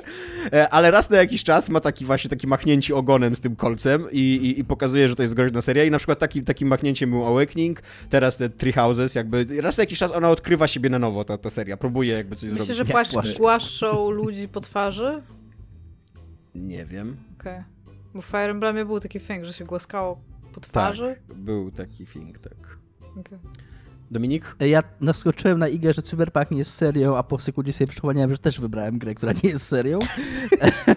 I też Cyberpunka. E, Mój wybór to Minecraft, e, ponieważ podobnie jak Płaszczka jest to coś, o czym wiem bardzo niewiele, ale co jednocześnie jest elementem jakiegoś innego świata, w którym się dzieją podobno jakieś w ogóle niesamowite rzeczy e, i który jest dla mnie totalnie niedostępny i który nawet mm, jakby nie chcę, żeby był dla mnie dostępny i jakby nic nie robię w tym kierunku, żeby go poznawać bardziej, ale on gdzieś tam jest i, i, i jest taki y, trochę fascynujący i trochę taki niedostępny, Dla mnie, odległy. dla mnie płaszczka to są, to, to są takie te e, giant squids, te co tam w, głęboko w tym... Kałamarnice e, wielkie. Tak, wielkie kałamarnice, które głęboko w oceanie żyją, bo e, jakby bardzo mało o nich wiem, ale wydaje mi się, że powinienem wiedzieć o nich bardzo dużo, bo to będzie miało No mi- kiedyś mega duży mi wpływ na moje chodzi, życie. mi bardziej chodzi po prostu ogólnie o, o, o życie podmorskie. O, przyjdzie. Tak, no właśnie. No i Minecraft, Minecraft też jest taki, co nie, że w pewnym momencie obudzimy się, że nie będzie innych gier, tylko będzie Minecraft. Jakby. I, i, i, no, i będziemy... I, pradawny w ogóle. I będziemy tak, będziemy się zastanawiali, dlaczego się nie uczyliśmy Minecrafta w momencie, kiedy powinniśmy byli się uczyć Minecrafta. Ja trochę grałam w Minecrafta, już, już zbudowałam ja zbudowałem wieżę i E, dobra, i ostatnie, jaka seria gier wideo jest żółwiem? Ja tutaj mam dwie i wy mi pomożecie zdecydować, bo to jest przy założeniu, że coś, co wy- wychodzi bardzo długo i nie może umrzeć No. i że będzie żyło wiecznie. Jedno to jest Assassin's Creed, ale drugie to jest Final Fantasy, więc jedno z tych dwóch. Myślę, że Final Fantasy chyba bardziej, bo ta gra już miała umierać. Ja bym powiedział, razy, że Final Fantasy bardziej, bo e, Assassin's Creed to by był taki żółw za DHD, nie? Bo jednak co roku tam, wiesz, No, odwala ale teraz- jakąś, jakąś tak, manianę. Teraz ma żyć wiecznie. Rozumiesz, No tak. nie? Teraz A, czyli y, nowy w ogóle Infinite, Assassin, tak? Więc jakby założenie jest takie, że będzie bardzo długo żyła. Z drugiej strony też sobie nie wyobrażam, że ktoś porzuca kurde tak dojną krowę jak Final Fantasy, więc A wiadomo, że, że żółwie są dojnymi zwierzętami, więc bardzo. wszystko pasuje jakby do tej metafory. E, Ale z drugiej strony żółw też y, wydaje się, że może być mądry, w sensie jest takim jakimś symbolem mądrości, tak jak sowa, a ani Final Fantasy, ani Assassin's Creed nie są za mądre, więc... E, więc, e, więc tak, e, ja e, jakby tak, po pierwsze zgadzam się, że żółw jest mon- dojny, po drugie jest powolny, a po trzecie jednak e, żółw ma jakąś taką majestatyczność w sobie, przynajmniej Ma, ja zawsze tak ma. postrzegałem żółwie, bo ja jak, ja jak myślę żółw, to myślę o morskim żółwiu, co nie? W ogóle jak, jak, jak ktoś mi powie żółw, to w życiu nie pomyślę o takim, którego ktoś tam trzyma gdzieś w mieszkaniu sobie, co nie? W akwarium. Tylko totalnie wiesz, morski żółw, taki, taki, co gre, takie, takie wielkie żółwie lądowe, które nie są Tak. tymi... No, No nie wiedziałem, ale już wiem. Ale nie, ja totalnie myślę o takich wielkich morskich żółwiach, które tam żyją 200 lat, są takimi majestatycznymi stworzeniami i tak dalej. I to dla mnie to jest Red Dead Redemption, e, czyli gra, która tam każda kolejna odsłona, znaczy każda, są dwie na razie, trzy, jeżeli weźmiemy to duże DLC, które było oddzielną grą trochę, które powstały, ile, ile tam, z 18 lat im zajęło, wyjście jednej i wyjście drugiej. E, są takimi gigantami, takimi juggernautami w ogóle szacownymi. Starają się być w jakiś sposób mądre, jest, nie do końca im to wychodzi, ale przynajmniej się starają e, i jednocześnie autentycznie e, drugi przynajmniej Red Dead Redemption jest po prostu wolny, jest po prostu żółwi, ma takie... Jest coś w tym, e, to, to, to jest gra, która, która została zaprojektowana przez e, albo żółwia, literalnie, albo jakiegoś wielkiego Myślę, że jakiś żółwi. żółw realnie zaprojektował Tak. Red Dead Redemption Myślę, 2. że jakbyś jakby rozszyfrować tam kredyty i te wszystkie nazwiska, to nagle byś, wiesz, wpisujesz tam po kolei nazwiska w Google i nagle ci wyskakuje zdjęcie żółwia, po prostu, co nie? I tam, wiesz, i tam jest, wiesz, że e, e, jakiś, nie wiem, jakiś e, e, additional designer, co nie, do Red Dead Redemption 2, co nie? A to GTA też by mogło być takim czymś, bo też jest długie, Tylko GTA jest wiecznie. trochę za duże jednak, co nie? To jest bardzo duży żółw. I, i, jest, I właśnie GTA też jest trochę takie właśnie ADHD, co nie? GTA nie ma tego takiego Majestatu Te, zwłaszcza to, co miało to, co miało to RD, Red Dead Redemption 2, co nie? Takiego Mm. nastawienia na... y, Poetykę, na, na, te, rozwoju, na tak. poetykę, na te wszystkie animacje, na takie bycie w miejscu i, i czasie i teraz wczuwaj się, a jak się nie wczujesz, to my cię po prostu tutaj przeoramy teraz 10-minutowym filmikiem i 20-sekundowymi animacjami i sprawimy, że się na siłę wczujesz, co nie? Takie, takie są żółwie, no. Żółwie to skurwysyny trochę. Tak. Ale dojne skurwysyny. Dominik? E, Ja się zgadzam z waszymi obserwacjami na temat żółwi i uważam też, że żółwie są długowieczne i się nie zmieniają i były, są i będą zawsze, ale jeszcze jest jeden mało znany fakt z życia żółwi, jest taki, że żółwie bardzo lubią hazard i lubią naciągać innych na pieniądze, więc moim żółwiem jest seria... Rzeczywiście. Skąd to masz? Moim, moim żółwiem jest seria FIFA, która...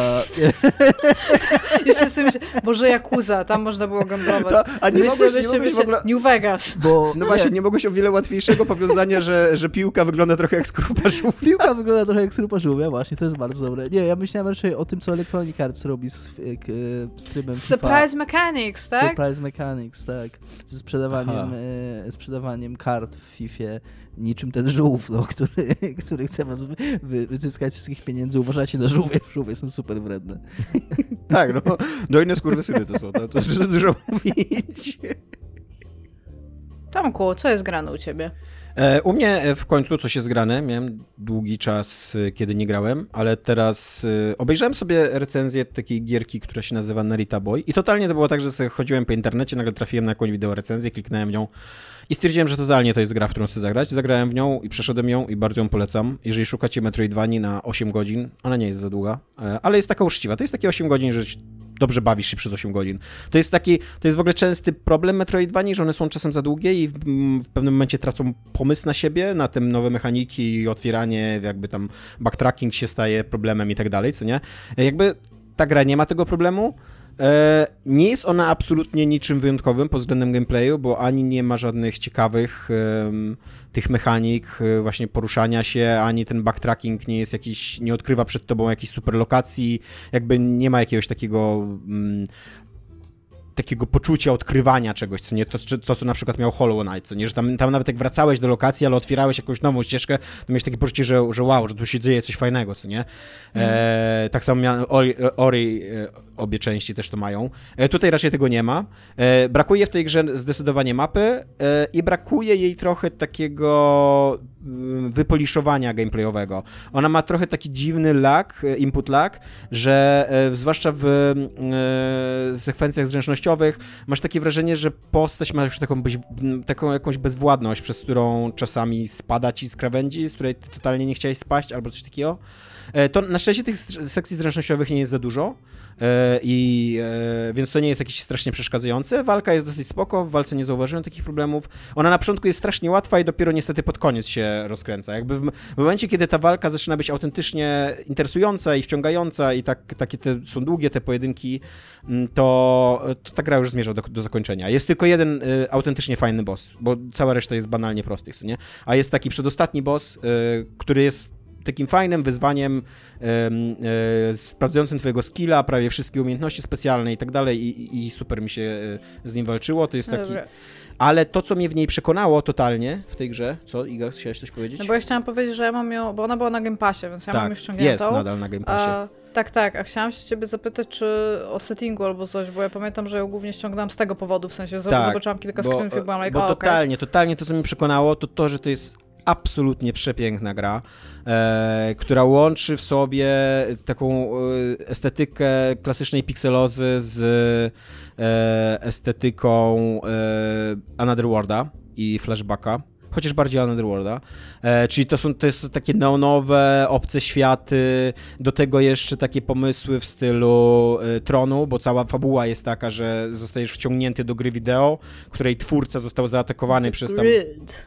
Tak, e, której twórca został zaatakowany przez głównego złego w tym wideo, e, w, tej, w tej grze i e, e i ten główny zły, on się nazywa Him, on mu wymazał jakby osobowość i rozbił, rozbita jest ta osobowość na 12 wspomnień. I jakby ty jako ten, ten bohater, ten właśnie tytułowy Narita Boy, e, musisz od, odkryć te wspomnienia, żeby twórca sobie przypomniał o tym, kim jest i mógł zainterweniować, jakby mógł, mógł e, naprawić tą grę. E, I, i tak, ten świat gry wideo wygląda niesamowicie. Tam jest mnóstwo pomysłów. E, są takie monumentalne scenerie, takie pełne tajemniczości, jakieś mgły, jakiegoś takiego e, takiego właśnie neonowego poś, e, neonowej poświaty. E, jest tam mnóstwo, mnóstwo jest tej grze takiego technożargonu, e, który na początku jest trochę męczący, ale szybko zaczyna budować taką, takie poczucie jakiejś takiej wyjątkowości, takiego świata, który autentycznie jest jakiś taki sam w sobie wyjątkowy, co nie taki żyje według, według swoich zasad, według swoich jakichś wierzeń, religii. One wszystko, wszystkie te wierzenia i religie się wiążą w jakiś sposób z postacią tego twórcy. E, I, um, to nie jest ten sam him, co w Powerpuff Girls. Nie, nie, to nie jest ten sam okay. him, co w Powerpuff Girls. E, i, i, jakby tak tylko zupełnie na marginesie... Na I, nie jest to, I nie jest to ten sam him, który śpiewał Baby Join Me in Death. Nie, nie. Zdecydowanie nie. Płyta Razer Blade Romance to wciąż jest super płyta. No. E, tak sobie narysuję. I... E, i to, to gra ma też absolutnie rewelacyjną ścieżkę dźwiękową, łącznie z tym, że ma um, dwa chyba numery wokalne, które bardzo dobrze leżą i mają w ogóle taki tekst napisany specjalnie pod, pod tą grę. E, I łącznie z tym, ale też, te, też taki, taki zwykły soundtrack jakby, co nie, który się dzieje w tej grze też, też, też rewelacyjnie brzmi. Bardzo polecam go sobie przesłuchać chociażby na Spotify'u. E, więc, więc, więc, to jest super, ale też to, co mnie bardzo poruszyło w tej grze, to to, że ona ma bardzo takie uczuć, po, znaczy daje takie bardzo poczucie obcowania z takim autentycznym takim passion project, nie? Widzisz, że e, to są ludzie, że to jest, to jest gra, nad którą zespół ludzi spędził kawał czasu, włożyli w to kawał swojego serca i widzisz widzisz to w pisarstwie, widzisz to w grafice, widzisz to w e, tej fabułce, widzisz, widzisz, że te czasy, bo to jest oczywiście wszystko stylizowane na lata 80., widzisz, że te czasy były dla nich ważne, że te wspomnienia są dla nich ważne i ta gra w ogóle dosyć inteligentnie wykorzystuje tą nostalgię, bo e, poprzez to, że ty odnajdujesz po kolei te wspomnienia e, tego twórcy, to poznajesz historię jego życia e, i tak i nie będzie wielkim spoilerem, w ogóle to nie będzie spoiler moim zdaniem, że jakby poprzez to dowiadujesz się, dlaczego ten świat egzystuje, funkcjonuje tak, jak funkcjonuje, ta, ten świat wewnątrz tej gry, bo okazuje się, że on po prostu, że to, że, że to jest też jakby taki passion project tego twórcy, co nie, ta gra, że to jest taki mhm. twór jego życia, taka, taka, um, że, że on tam przelał, przelał masę siebie, masę swoich wspomnień, swoich emocji, swojej nostalgii, e, swoich takich e, emo, e, uczuć, e, co, które miał wobec rodziny i tak dalej. E, I, I to zaczynasz też rozumieć ten żargon, bo okazuje się, że ten żargon, ten technożargon, on też jakby pochodzi trochę z prawdziwego świata albo z marzeń tego dzieciaka, który kiedyś tam marzył, żeby robić gry wideo kiedyś w przyszłości. E, a, a na, że to wszystko jest w latach 80., tak mi się wydaje, że ci twórcy też są takimi ludźmi mniej więcej z takiego pokolenia jak ja i Dominik, bo ty Iga, to jesteś młoda jeszcze, ale z takiego Oj, pokolenia tak. jak, jak ja i Dominik i no i nie ma, nie ma takiego, y, przynajmniej ja nie wyczułem fałszu, co nie, w tej nostalgii. I tylko, tylko tak poczułem, że to jest coś autentycznego, że to jest, że to jest epoka, którą ci ludzie y, pięknie wspominają, być może naiwnie, ale pięknie, i że chcieli zrobić taką grę, taką bardzo klasyczną grę, opowiedzieć, dać, dać taki wyraz swojej miłości do, do popkultury, I im się to udało, autentycznie jakby urzekła. Jest tak- taka urzekająca, taka urocza jest ta gra, co nie, w tym. E, I, i, I bardzo ją polecam. Jeszcze chciałem powiedzieć, że ona jest tak piękna, że oni chyba sobie w pewnym momencie w ogóle zdawali sprawę, że, że, że ona jest piękna. Bo na przykład są całe, całe takie mm, tła, czyli lokacje, co nie, na których nic się nie dzieje, na których w ogóle nie masz żadnego pojedynku, ani żadnej, żadnej sekwencji takiej e, zręcznościowej, tylko i wyłącznie jest to taki super widok, który wchodzisz i sobie myślisz, wow, ale ktoś spędził nad tym mnóstwo czasu, żeby to zrobić, a później totalnie masz po prostu przejść na drugą stronę i, i tyle go widziałeś, tego widoku, co nie? Albo wysłuchasz jakiegoś jednego krótkiego dialogu. E, więc tak jak mówię, no nie jest, nie jest to taka gra, która się pod względem gameplayu wyróżnia jakoś bardzo na plus, ale pod względem całej otoczki i takich emocji, które mi dała, jak, jak w nią grałem, to, to bardzo. Naprawdę autentycznie mega miło, spędziłem 8 godzin. Jest Uważam, to- że jest... No. Bardzo mnie Jest to- zachęciłeś, żeby Jest to bardzo zachęcające, co mówisz, szczególnie y, jak wspominasz o tej wersji narracyjnej, bo jak tobie prywatnie mówiłem, a teraz powiem publicznie, y, ja w nią próbowałem grać i zgadzam się, że już od pierwszych sekund jakby ona robi wrażenie, jak ładnie wygląda. Natomiast y, ona jest strasznie przeładowana takim właśnie technożargonem, takim tam i, i jak ona Tak, się bo- zaczyna, to oni strasznie dużo gadają do ciebie. Tak, tak. jest I taki- jest to jest niestety... taki- je- Niestety jest taki problem trochę z tą grą, że ona jest trochę przygadana. Trochę za dużo jest tych dialogów. I, E, autentycznie ale- coś takiego, że jak to z grami z Game Passa, co mówiłem, jakby ja łatwo je odrzucam, więc jak po prostu tak siedziałem i, i te teksty były takie dla mnie puste, po prostu taki kurna bla bla bla bla bla techno bla bla bla techno bubble techno bubble, że Wiesz po co? prostu po którymś takim tekście po prostu wziąłem i wyłączyłem. To jest grę. taki, tak, to jest taki trochę nieudolny, a może trochę udolny, no bo mówię, koniec końców jakby ja to kupiłem na przykład.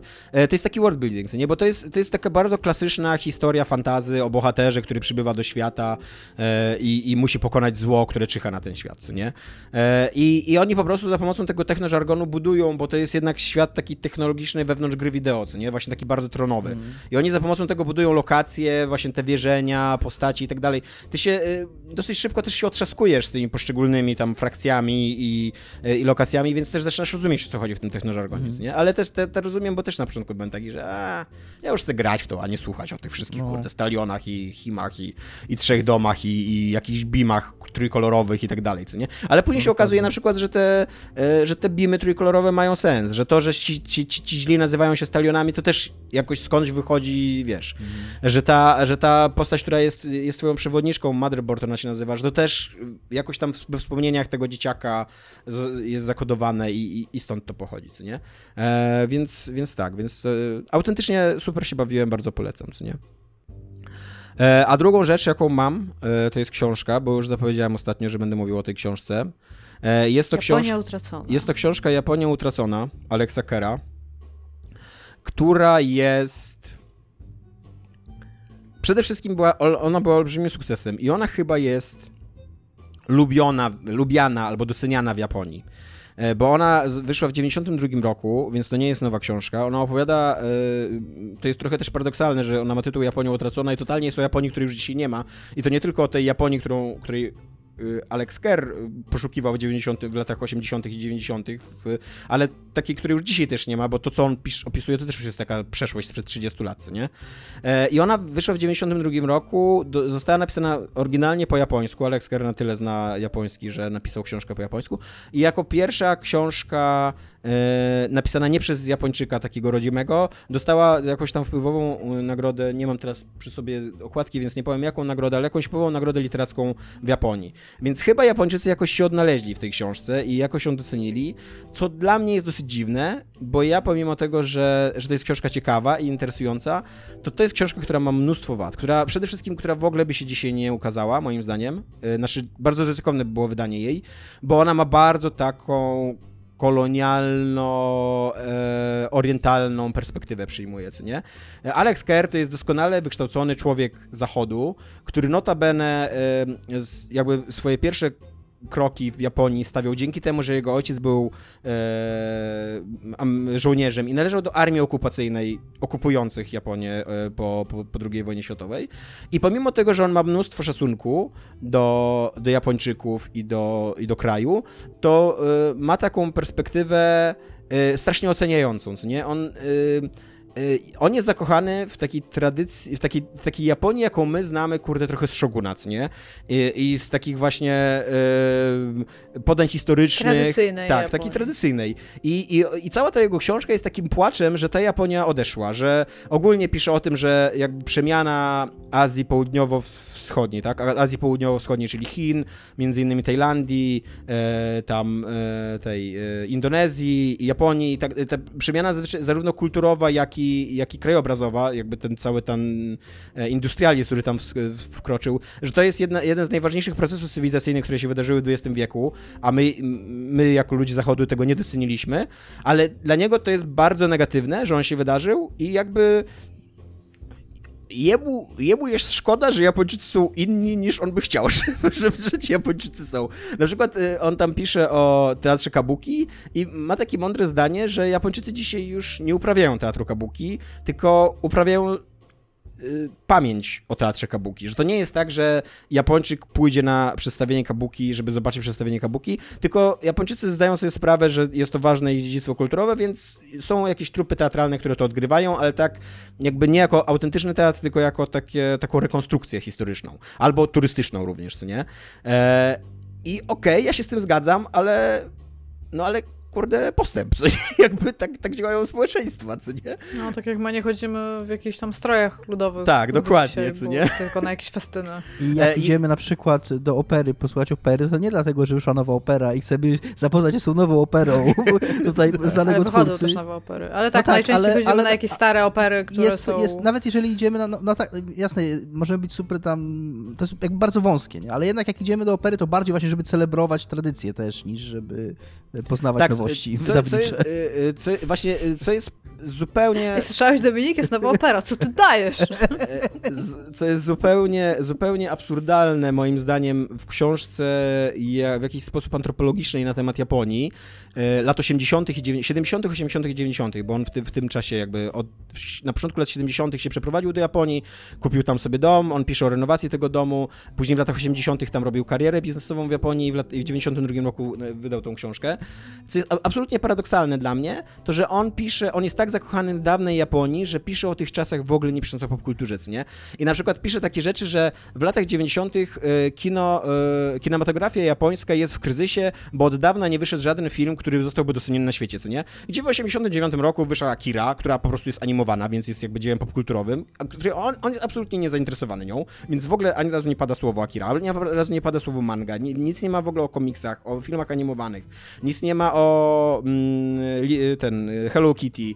No, ale przecież grach, grach wideo, no w latach O grach wideo, dokładnie, tak. Nintendo. nie, bo, Dokładnie, dokładnie, ale go, go, interesuje tylko jakby, dla niego Japonia to jest ceremonia parzenia herbaty, e, to jest teatr kabuki, to jest e, skupywanie starych zwojów, bo on jest przy okazji e, handlarzem tymi antykami i on bardzo ubolewa właśnie, że te antyki są w Japonii stare, bo, nasze danie, bo, bo Japończycy nie doceniają swojego dziedzictwa kulturowego I, i to jest taka, mówię, taka bardzo protekcjonalna perspektywa dla mnie. On bardzo lubi takie podsumowujące bonmoty, co nie? Które być może brzmią efektywnie, efektownie, ale bardzo rzadko na takim poziomie antropologicznym, na, na, poziomie opisywania całych narodowości są trafne, bo naród jest dużo bardziej skomplikowane e, zdanie, dużo bardziej skomplikowany twór niż, e, e, niż żeby go zamykać w jakimś jednym zdaniu. On na przykład cytuje takie zdanie swojej przyjaciółki, notabene też białej kobiety, która mówi, że różnica pomiędzy Zachodem a Japonią jest taka, że Zachód ma bardzo płytką kulturę, co już w ogóle wielki znak zapytania, ale bardzo bogaty, ale bardzo bogatych ludzi, jakby, znaczy bardzo takich bogatych wewnętrznie, co nie, takich głębokich ludzi, a Japonia ma bardzo płytkich ludzi, ale bardzo bogatą, bardzo głęboką kulturę, co nie, jakby wykształciła. No i to jest takie, e, trochę rasizm I, to, i to w oba kierunki, jakby, co nie? Tak. Mi się podoba takie stwierdzenie, które nie wiem komu on jest przypisywany, natomiast on się często pojawia, że Japonia jest zarówno w roku 3000 tak. z wieloma tymi, ale też w latach 80 po prostu z zeszłego Tak, wieku, ty kiedyś ale też, w takiego, lat, że- ale też w XVI wieku. ty mówiłeś I to- to jest kiedy- bardzo taki- skomplikowana kultura w ogóle. taki przykład, że to jest firma, która by ci wysłała tam plany najnowszego, y, najnowszej jakiejś, nie wiem, części, czy tam jakiegoś chipa najnowszego Tu, za, tak, za turbiny do jakiś tam ten. za, za pomocą faksu. Nie? Tak, tak. Zderzenie Tak, jeszcze właśnie- najlepiej tak, że, że żeby ten faks przyniesie, przyniesie ci pocztą z takim bardzo ładnym lakiem, na No to przykład ja- robionym ręcznie, nie? Że to, oni mają bardzo, to jest bardzo skomplikowana, wielowarstwowa kultura w ogóle. On na, tak. przykład, on na przykład bardzo wprost pisze, że Japonia jest brzydkim krajem, co nie? Eee, co mu, też, Pisałeś mu wprost, że on jest brzydki? Jak czytałeś tę książkę? co też jest dla mnie przedziwne, jak się pisze o obcej kulturze, co nie? Jakby no wypadałoby jednak jakoś delikatnie dobierać słowa, albo w ogóle pominąć tą myśl, nie? Bo on na przykład ma, ma, ma ciekawe takie przemyślenia, na przykład na, na temat tego, że w Japonii rządzą jarzeniówki. Rzeczywiście Japończycy są trochę zakochani w jarzeniówkach i przez to e, Japończycy ma, znaczy no może nawet nie Japończycy, ale w ogóle Japonia jest dosyć mało kolorowa w wielu, wielu punktach, momentach, bo jarzeniówki strasznie spłaszczają kolor, co nie?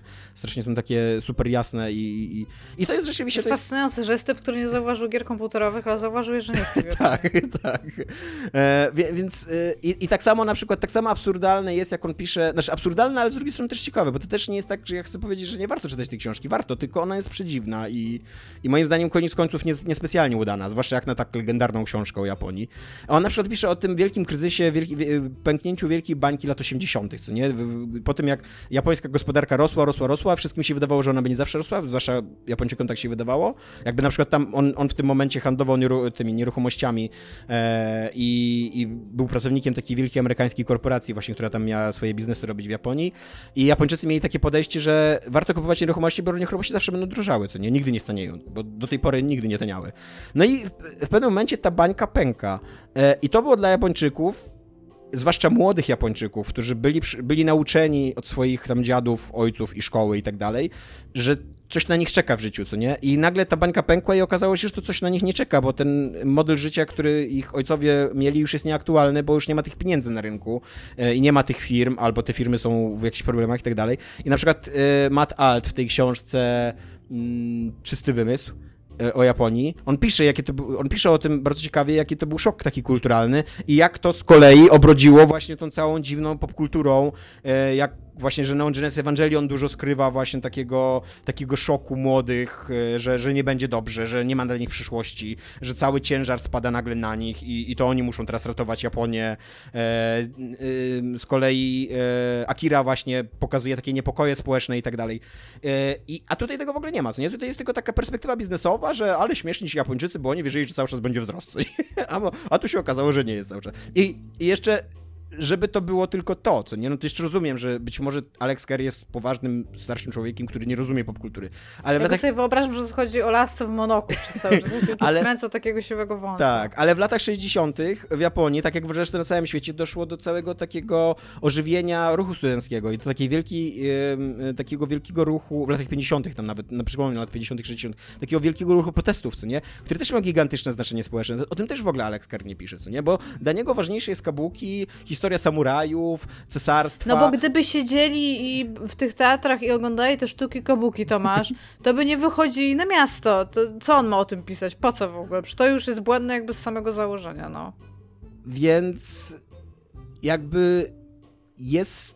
On, on nawet w ogóle traktuje w ogóle współczesność Japonii jako erę, erę pachinko, co nie? Pachinko to jest taka ogłupiająca gra, on zresztą pisze o, o niej jako o ogłupiającej grze, w której po prostu Jest latają kulki ogłupiająca. i się tak, i się i ładnie błyszczą i tak dalej. I, i on uważa, że to jest, jakby super głośno najlepsza, tak, najlepsza metafora współczesnej Japonii. No to też uważam, że to jest trochę obraźliwe, co nie? Jakby, że gdyby napisał to Japończyk, to bym powiedział okej, ale jak to pisze człowiek Znaczy on zachodu, też nie to... zauważa, że e, e, podczas tego, kiedy chodzili na te pachinko i robili tu ceremonię herbaty, to potem wychodzili grać w taką wczesną wersję pachinko, która była, kurde, złożona z desek i gwoździ i, kurde, to w latach 70. i wiek temu było jakby, tak, że robili to i taki, tak, tylko teraz po prostu ktoś w to włożył biznes i przez tą jego erę industrializacji po prostu poszło to na tyle do przodu, że teraz Tak. można sobie pójść do salonu pachinko. Ale jest no. to, jest to książka napisana bardzo ładnym językiem, człowieka bardzo elokwentnego. E. Ona jest przetłumaczona na polski. Właśnie próbowałem znaleźć tą, e, e, tą informację w książce, ale niestety jej nie ma, czy tłumaczenie jest z japońskiego, czy z angielskiego, bo ona później została przetłumaczona na angielski e, i, i wydana na zachodzie i też odniosła jakiś tam sukces wydawniczy spory. Ale nie wiem, czy polskie tłumaczenie jest z japońskiego, czy z angielskiego, bo nie ma tej informacji w książce. I jakby to jest człowiek bardzo dobrze wykształcony, bo on tam Oxford i Cambridge kończył, co nie, bodajże. Albo Yale i Cambridge, coś takiego. E, on, on, jest, y, on jest super oczytany, on ma mnóstwo, właśnie, on ma, ma bardzo głęboką wiedzę na temat kultury Japonii, historii Japonii, tej tradycyjnej, co nie? Mnóstwo historii fajnych opowiada, przywołuje takich anegdot y, o, o wierzeniach, o da, stylu życia dawnych Japończyków, o tym jak Kyoto się e, e, kształtowało, o Osace, o historii Osacy, Osaki pisze, e, pisze o takiej e, dolinie zapomnianej na, na czwartej wyspie Japonii, tej, której zawsze zapominam jak się nazywa ta czwarta wyspa, e, w której Okinawa? nie, ta czwarta. Nie, nie, nie, nie, nie, nie. Ta um, Dolina Io to się chyba Kyushu, nazywa. Hanshu, Okinawa. Zaraz sprawdzę. Eee, i, i, I jakby to, to są e, to są mega fajne rzeczy. Jakby fajnie się to czyta, ale jest to książka. Shikoku. No właśnie, tak. Ale jest to książka, którą ja bym radził czytać właśnie w towarzystwie tego czystego wymysłu, którą, która swoją drogą jest dużo uczciwsza, bo Matt Alt też jednocześnie zdaje sobie sprawę jakby z historii i kultury dawnej Japonii. On nie odcina się od tego, co nie, więc wplata swoje, przy, swoje przemyślenia te, to, tą, tą nową I to by dało taki pełen trochę, taki pełniejszy obraz y, Japonii pod względem właśnie jej kultury, sztuki, ale też i popkultury, i, i potęgi popkulturowej, jaką jest dzisiaj Japonia, nie? E, A dopiero w ostatnim rozdziale tego, te, tej książki jest taka myśl, że być może teraz kultura Japonii znajduje się w takim okresie przejściowym i, i szuka dla siebie nowej, nowej formy wyrazu, jakiejś nowej, nowej, formuły. I to jest moim zdaniem słuszna myśl, tylko on nie zauważył, że już znalazła. 15 lat zanim zaczął to pisać, więc nie. No, więc, więc tak, Japonia utracona, Alex Kerr. Yy... No, polecam i nie polecam. Narita Boy lepszy. No, e, ale wracając do dzikich pytań, e, to Dominiku, gdybyś miał być postacią z Metal Gear Solid, to którą i dlaczego? I przy tej, yy, przywołaj scenę jej śmierci i zastanów się, w jaki sposób, czy w taki sposób Tak. chciałbyś umrzeć. E, tak, ja nie jestem takim fanem, e, znaczy powiedzieć, że nie jest się takim fanem Metal Gear Solid jak Tomek, to nie powiedzieć nic, E, ale mm, mało pamiętam, więc musiałem e, dużo googlać, i, znaczy dużo googlać, dużo Wikipedii czytać i scrollować, żeby taką postać sobie wybrać. I mój wybór padł na postać z mojej ulubionej części, czyli Metal Gear Solid 3 i jest to postać, która nazywa The Fury, który był żo- Flame Soldier, czyli był żołnierzem posługującym się miotaczem ognia w jednostce Cobra. Walczył z nazistami, więc to jest zawsze ok, to jest coś, z czym się warto identyfikować. Był jednocześnie, miał być pierwszym człowiekiem, który przed Jurym Gagarinem e, y, będzie w kosmosie, jako pierwszym, pierwszym człowiekiem w kosmosie. Mhm. E, i podczas tego jego wystrzelenia nastąpił incydent, w którym to on e, przeżył jakieś poparzenia na swoim ciele i, i w wyniku tych poparzeń widział całą ziemię e, z, z jakby skrytą za ścianą ognia e, i, i przez co zaczął nienawidzić cały świat e, i, i jakby e, czuł, go spalić po prostu. wszech, wszech, tak, wszechogarniającą nienawiść w stosunku do świata. To nie jest być może coś, co podzielam, natomiast y, Ale mam wrażenie, że, odnajdujesz? Mam wrażenie, że byłbym się w stanie czasami odnaleźć w takim uczuciu, że fajnie byłoby znaleźć ujście w taki sposób. Natomiast scena śmierci, i tutaj chciałbym, żebyście posłuchali uważnie tego, ponieważ po, po, po tym, jak oczywiście Fury zostaje pokonany przez y, głównego bohatera gry, y, zdejmuje hełm, e, przeży, wspomina swoje życie jako kosmonauta, e, odpala swój jetpack e, i mówiąc, że wraca do domu e, i e, wzlatuje w górę tunelu, żeby się w ten sposób zabić, e, jakby w- w- wspominając chwilę swojej chwały i tego, kiedy, kiedy widział kosmos. I uważam, że jeżeli to nie jest piękny sposób, żeby odejść, to... e, to, Myślałam, że po to prostu we, biorę swój jetpack, lecę do domu, poleciał w kosmos, bez hełmu się udusił, koniec. Jakby, nie, nie, uderzył, uderzył w sufit i się zabił, ale, ale jakby tak e, e, ma- mając na, na ustach i w pamięci swoje chwile świetności, które umówmy się, też jako prawie 400-letni człowiek też mam już dawno za sobą. E, Ja tylko tutaj e, przy, e, powiem, że ta dolina, o której mm, pisze Alex Kerr dużo na początku, to jest Ia albo Gia, nie wiem jak to się czyta do końca, Valley. I jest tak, na wyspie Shikoku, tak jak mówiła Iga. Iga, jaką byłabyś postacią? Z jako, że ja w ogóle nie jestem super fanką tej serii i fuja wiem na temat tego, co tam się dzieje, to ja przejrzałam całą Wikipedię i stwierdziłam, że znajdę sobie postać, która się nazywa najgłupiej i ją wybiorę. I znalazłam taką Fatman. postać. Nie, nie, nie znalazłam. E, nazywa się, i teraz chciałam wam przeczytać jej nazwę po japońsku, ale muszę ją teraz znaleźć. A chociaż Fatman to też by było dobre do... A, Możesz mogę wam powiedzieć po powiedzieć, że z, z Beauty and the Beast. E, w sensie jest z Beauty, o mam. Nazywa się Rafingu Okutopasu. Laughing Octopus. Jest e, z Wydziału The Beauty, który dowiedziałam się też, że wszystkie modele zostały użyczone przez modelki i uważam to za super w ogóle rzecz. Naprawdę tam Hideo nigdy się kurde nie zmienia. I im więcej o tym czytałam, to było tym gorzej. I ona miała jakieś PTSD, gdzie kazali jej ko- torturować i zabijać swoją własną rodzinę w wiosce, która się... w wiosce gdzieś w Skandynawii, która słynęła z tego, że jedzą ośmiornicę, ale tam okej. I zwaną również jako The Devil's Fish, więc się nazywa The Devil's Child i to było The Devil's Village, więc w ogóle tam pisarstwo po prostu top notch. I e, ona się charakteryzuje tym, że ma jakieś wybuchy śmiechu w losowych miejscach, z czym się bardzo utożsamiam. Tak. A plus ma pretty cool wdzianko, bo ma takie tentakle, więc tam super. Tam Ona wygląda jak e, prostu. bardzo dziwna, bardzo dziwna sex doll. Taka... Tak, tak, tak, w ogóle to, to jest inna sprawa, że tam hentai match też po prostu to, to, to się dzieje, więc tam w ogóle bardzo się ten... I ona może umrzeć albo może nie umrzeć w walce z, z, z głównym bohaterem, aczkolwiek jak umiera, to, albo jak nie umiera, to bez względu na to, jak się kończy to, to po prostu koło jej ciała e, spadają płatki kwiatów. I uważam, że to jest przecudne i poetyckie, więc jak Jezu, najbardziej ale mogę tak czwórka miała słabe walki z bossami. Plus e, domniemam, że ona umarła na zewnątrz, skoro tam padają płatki kwiatów. Tak mi się wydaje, że na zewnątrz. A ja ogólnie, jak myślę o tym, że bym chciała umrzeć, to ja bardzo chciała umrzeć na zewnątrz, a nie w środku pomieszczenia. Dziwna fantazja w ogóle. Znaczy, po prostu wydaje mi się to spokojniejsze, jakieś takie normalniejsze.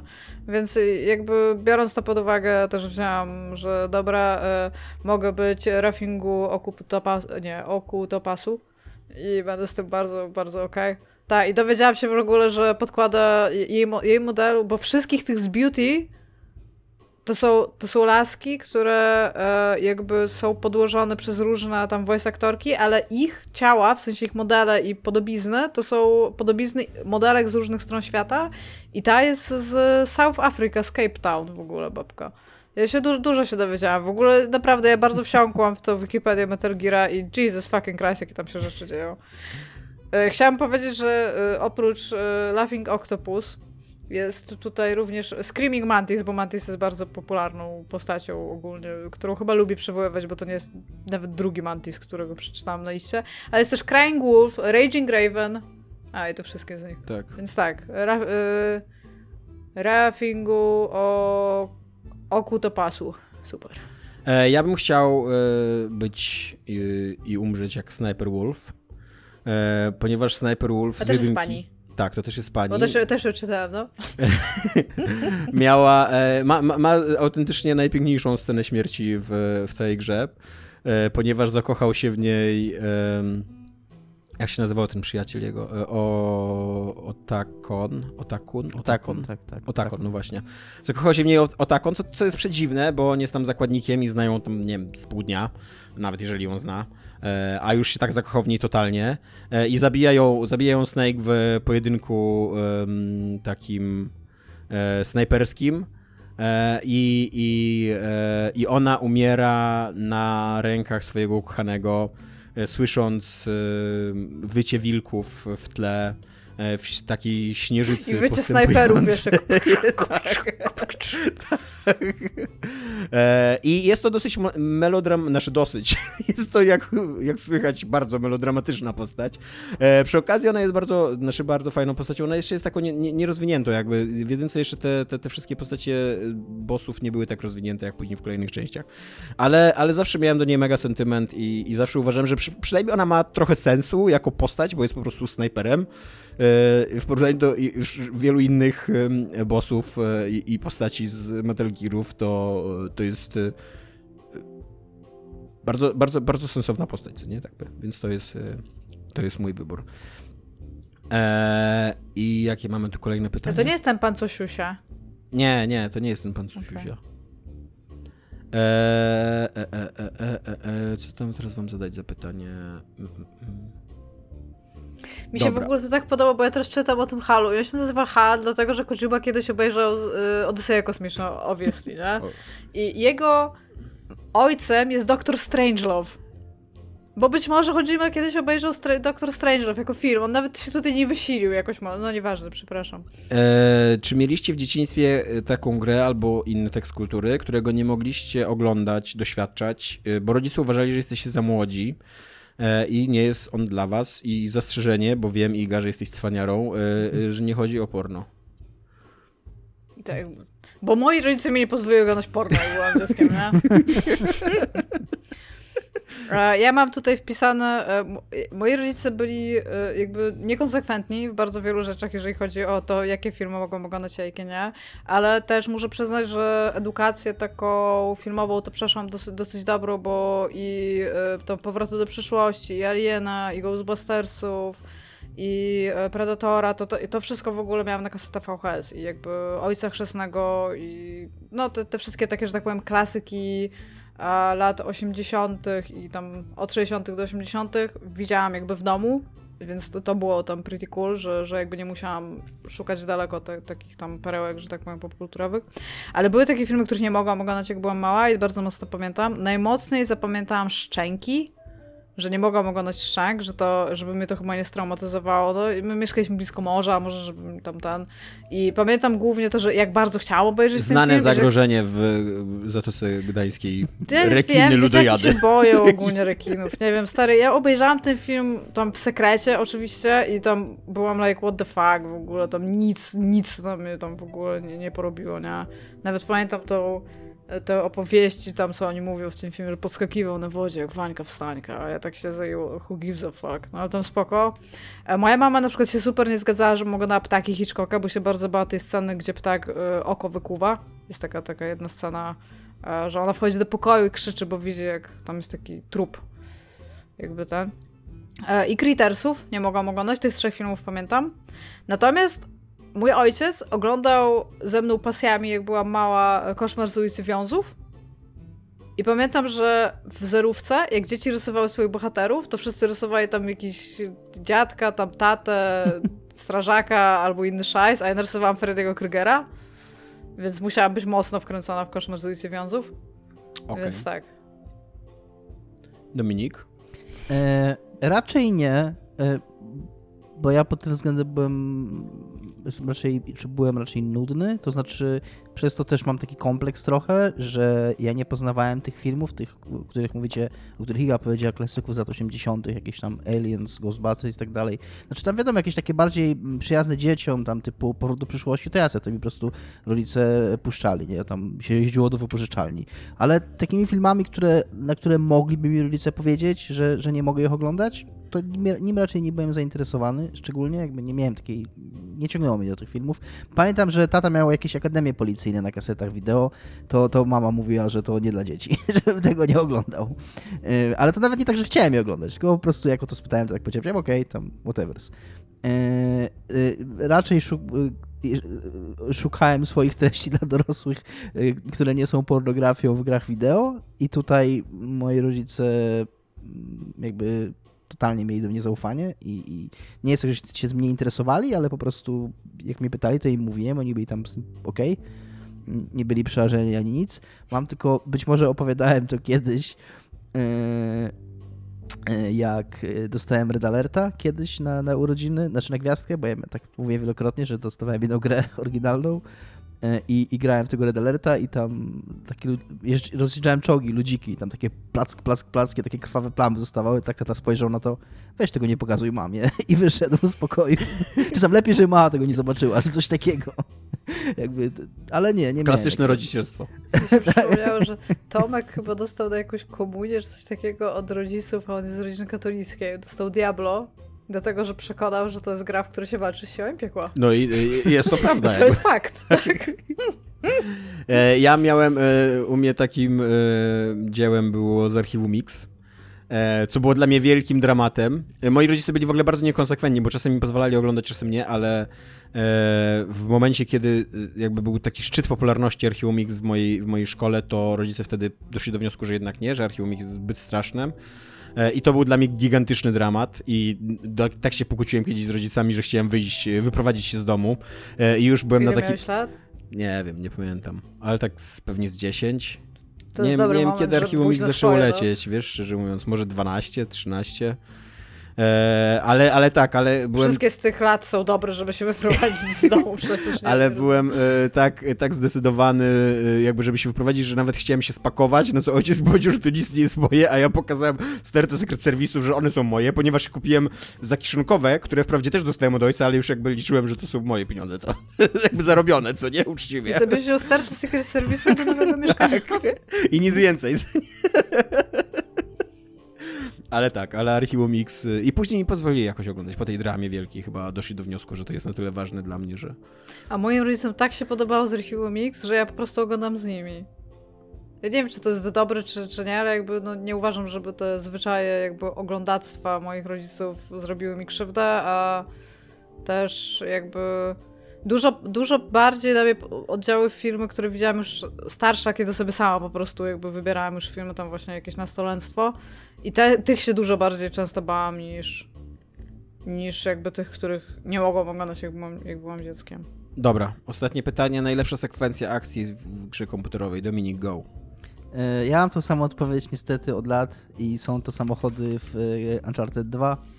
E, Nic od tamtego czasu, jeżeli chodzi o gry akcji, nie zrobiono nam takiego wrażenia. A, te ciężarówki, Skakanie tak? po ciężarówkach, skakanie po ciężarówkach, bo tam w tamtej sekwencji na, największe wrażenie na mnie zrobiło to, że ona nie była zaskryptowana.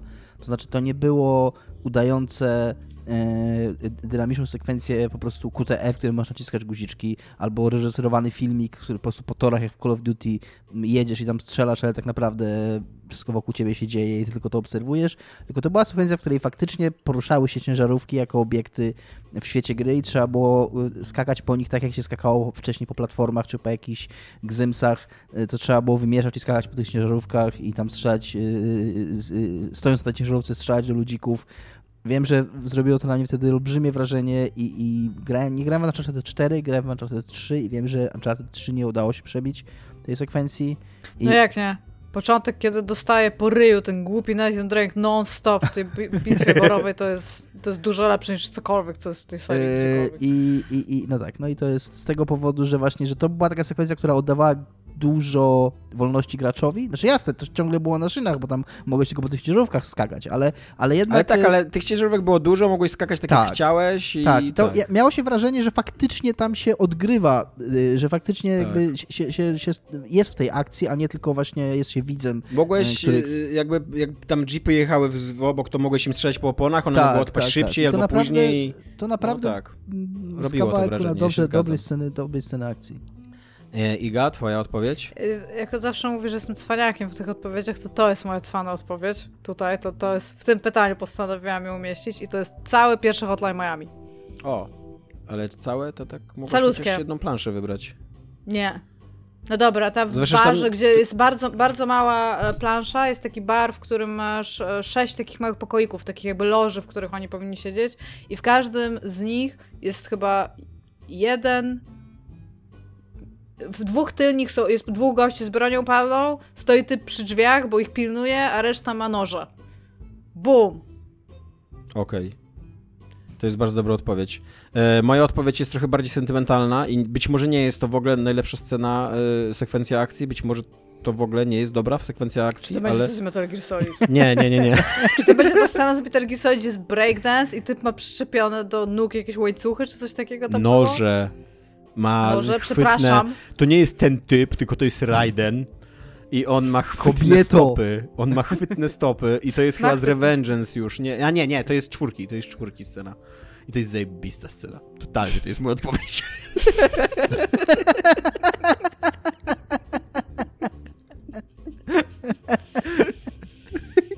Nie, e, e, to, jest taka, to jest taka scena, która mi się zawsze przypomina, kiedy myślę sobie o, o, scenach, o scenach, o akcji w grach. E, to jest Virtua Cop 2, E, Nie wiem, czy pamiętacie, to była taka e, 3D, 3D celowniczek, taki bardziej automatowy niż, niż growy, Mhm. ale grało się Ja na, pamiętam. Du- high poly bardzo takie. tak, grało się, grało się na myszce, grało się na myszce w, w to i, i ja byłem wielkim miłośnikiem tej gry w pewnym momencie. I tam w Virtua Cop 2 jest y, poziomami wybierasz jakby levele, są trzy levele i level medium rozgrywa się na takim y, wycieczkowcu, na takim okręcie. E, I e, nie dość, że tam się dzieje wszystko w ogóle, tam na przykład jak masz trzy stoliki, to znaczy, że za tymi trzema stolikami jest ukrytych 15 złych kolesi i wyskakują po kolei i czekają aż ich zastrzelisz. E, i- byłeś kolesie. Potem tak, poznajesz, i- że ktoś jest zły. i i najlepsze jest to, że najpierw jeden wyskoczy za jednego, drugi za drugiego, trzeci za trzeciego, co nie? A później zaczynają wyskakiwać od początku, co nie? A później się okazuje, że jakby, że jeszcze trzech naraz wyskoczy i tak, wiesz, trochę dziwna strategia. Oni się tak umawiają, słuchaj, to, żeby, żeby to zrobić jak najlepiej. ale to tymi miało, wtedy, się- to miało wtedy strasznie takie hollywoodzkie dla mnie, taki, takiego hollywoodzkiego fila, a do tego jeszcze e, na tym wycieczkowcu, jak tam szedłeś przez e, jakąś tam jadalnię, później tam była sala koncertowa, coś takiego, można było rozwalić mnóstwo rzeczy. Można było tam strzelać po szklankach, po żyrandolach, za to się dostawało chyba punkty, albo jakieś, jakieś bonusy można było znaleźć i tak dalej. I to było, to było niesamowite dla mnie wtedy, że, że wow, że właśnie, że to ma, to ma takie, takie wrażenie tych takich strzelanin w stylu e, szklanej pułapki, że, że jak strzelasz, to tam po ścianach leci kurz, zostają, rozbijają się, rozbija się szkło, jest, wiecie, ogólnie taka, taka fizyczność, co nie, też tej strzelaniny, to odczuwasz taką fizyczność i, i właśnie ta Virtua Cop 2 e, to miała dla mnie i, i często to, wsp- znaczy no może często to nie, ale wspominam to co jakiś czas. Ale jakbym myślała właśnie tak bardzo antyhollywoodzko, to doszłam do wniosku, że najlepszą sekwencją akcji z gier wideo jest cała gra Super Hexagon. Bardzo hipsterska odpowiedź. To e, Bardzo. Geometry Wars całe, całe też, co nie? No właśnie, Też- można też bym znaleźć, to można uznała znaleźć coś no. takiego, no. Tak. Tetris. Albo tak. Nie, Tetris nie, Tetris nie, nie Tetris. Ja się wycisza ale Dominik, Pac-Man? opuść No. spotkanie. Pac-Man już bardziej. E, dobra, i to tyle, ile mamy na dzisiaj. Sekcji komentarzy nie będzie, e, ale ja mam, ja mam jedną uwagę do komentarzy. Ja rozumiem, że wam się nie podoba, że mi się nie podoba The Expanse i spodziewałem się, że The Expanse ma dużą fanbazę i że wzbudza trochę kontrowersji, ale ja powiedziałem, dlaczego mi się ten serial nie podoba i proszę nie argumentujcie tego, że się mylę tym, że albo jestem za stary, albo jeżdżę na rowerku. Bo to są dwa argumenty przywoływane, że, że albo jestem za stary i już nie rozumiem y, tego. y, Ale A przecież bardzo wiecie, że nie zatapialni z młodzieżą, że- co nie? Więc o co chodzi? Zaczęli czytania książek i potem Tak. zobaczyli serial, więc to też jest trochę inna E, perspektywa. a- Dużo ludzi pisało, że w ogóle tylko książki przeczytało im się Ja w bardzo ogóle, podobało. y, y, y, tam się pojawił taki też wątek, który mnie tak, jak to się mówi, hit trochę close to home, za przeproszeniem. E, Uderzył bo- blisko domu. uderzył blisko domu, bo ktoś nam powiedział, że a, bo my już tacy jesteśmy, że y, nam chodzi tylko o krytykowanie. I jakby to jest Tak. coś, co ja też kiedyś myślałem, jak miałem tam 15 lat i czytałem krytykę kogoś starszego, czegoś, co mi się super podobało, że a, to jest już stary człowiek i on już po prostu jest wszystkim znudzony i on teraz będzie wszystko krytykował. Jakby powiem wam to, co wtedy mi powinien ten człowiek powiedzieć, jakby to jest okej, że to ci się podoba. Jakby to, że, Tak. to, to, że Tomkowicz, to, jakby to nie wpływa w żaden sposób. Jakby wciąż możesz, wciąż możesz to bardzo, bardzo lubić. Jakby to wciąż jest legalne. Nawet Jak najbardziej. więcej, więcej, nawet nie stracisz w naszych oczach. Ja co więcej, e, co więcej, ja też bym chciał e, zwrócić uwagę na to, że ja nie krytykowałem jakoś strasznie tego serialu. Ja mówiłem, że oglądam go i że się nieźle bawię, tylko nie rozumiem fenomenu jakby, co nie, że tak, miałem takie bardziej zróżnicowane, znaczy takie zniuansowane podejście do tego serialu, że tam tak i nie, co nie? Ale nie, no, no więc to tylko tyle mam. I jeszcze takie rzeczy, że tam patronajty, pamiętajcie, pieniążki Pieniądz, super pieniądz, są, co nie? pieniądz, W ogóle my pieniądz, bardzo pieniądz, lubimy pieniądz, pieniążki, wy pieniądz, lubicie pieniądz, pieniążki nam pieniądz, dawać, pieniądz, więc wszystko się pieniądz, zgadza tutaj w tej chemii między nami. Pieniądz, No, Iga, powiedz pieniądz. Pieniądz, pieniądz, pieniądz. Dobry, dobry z ciebie, biały, heteroseksualny mężczyzna. I wish. To cześć. Cześć.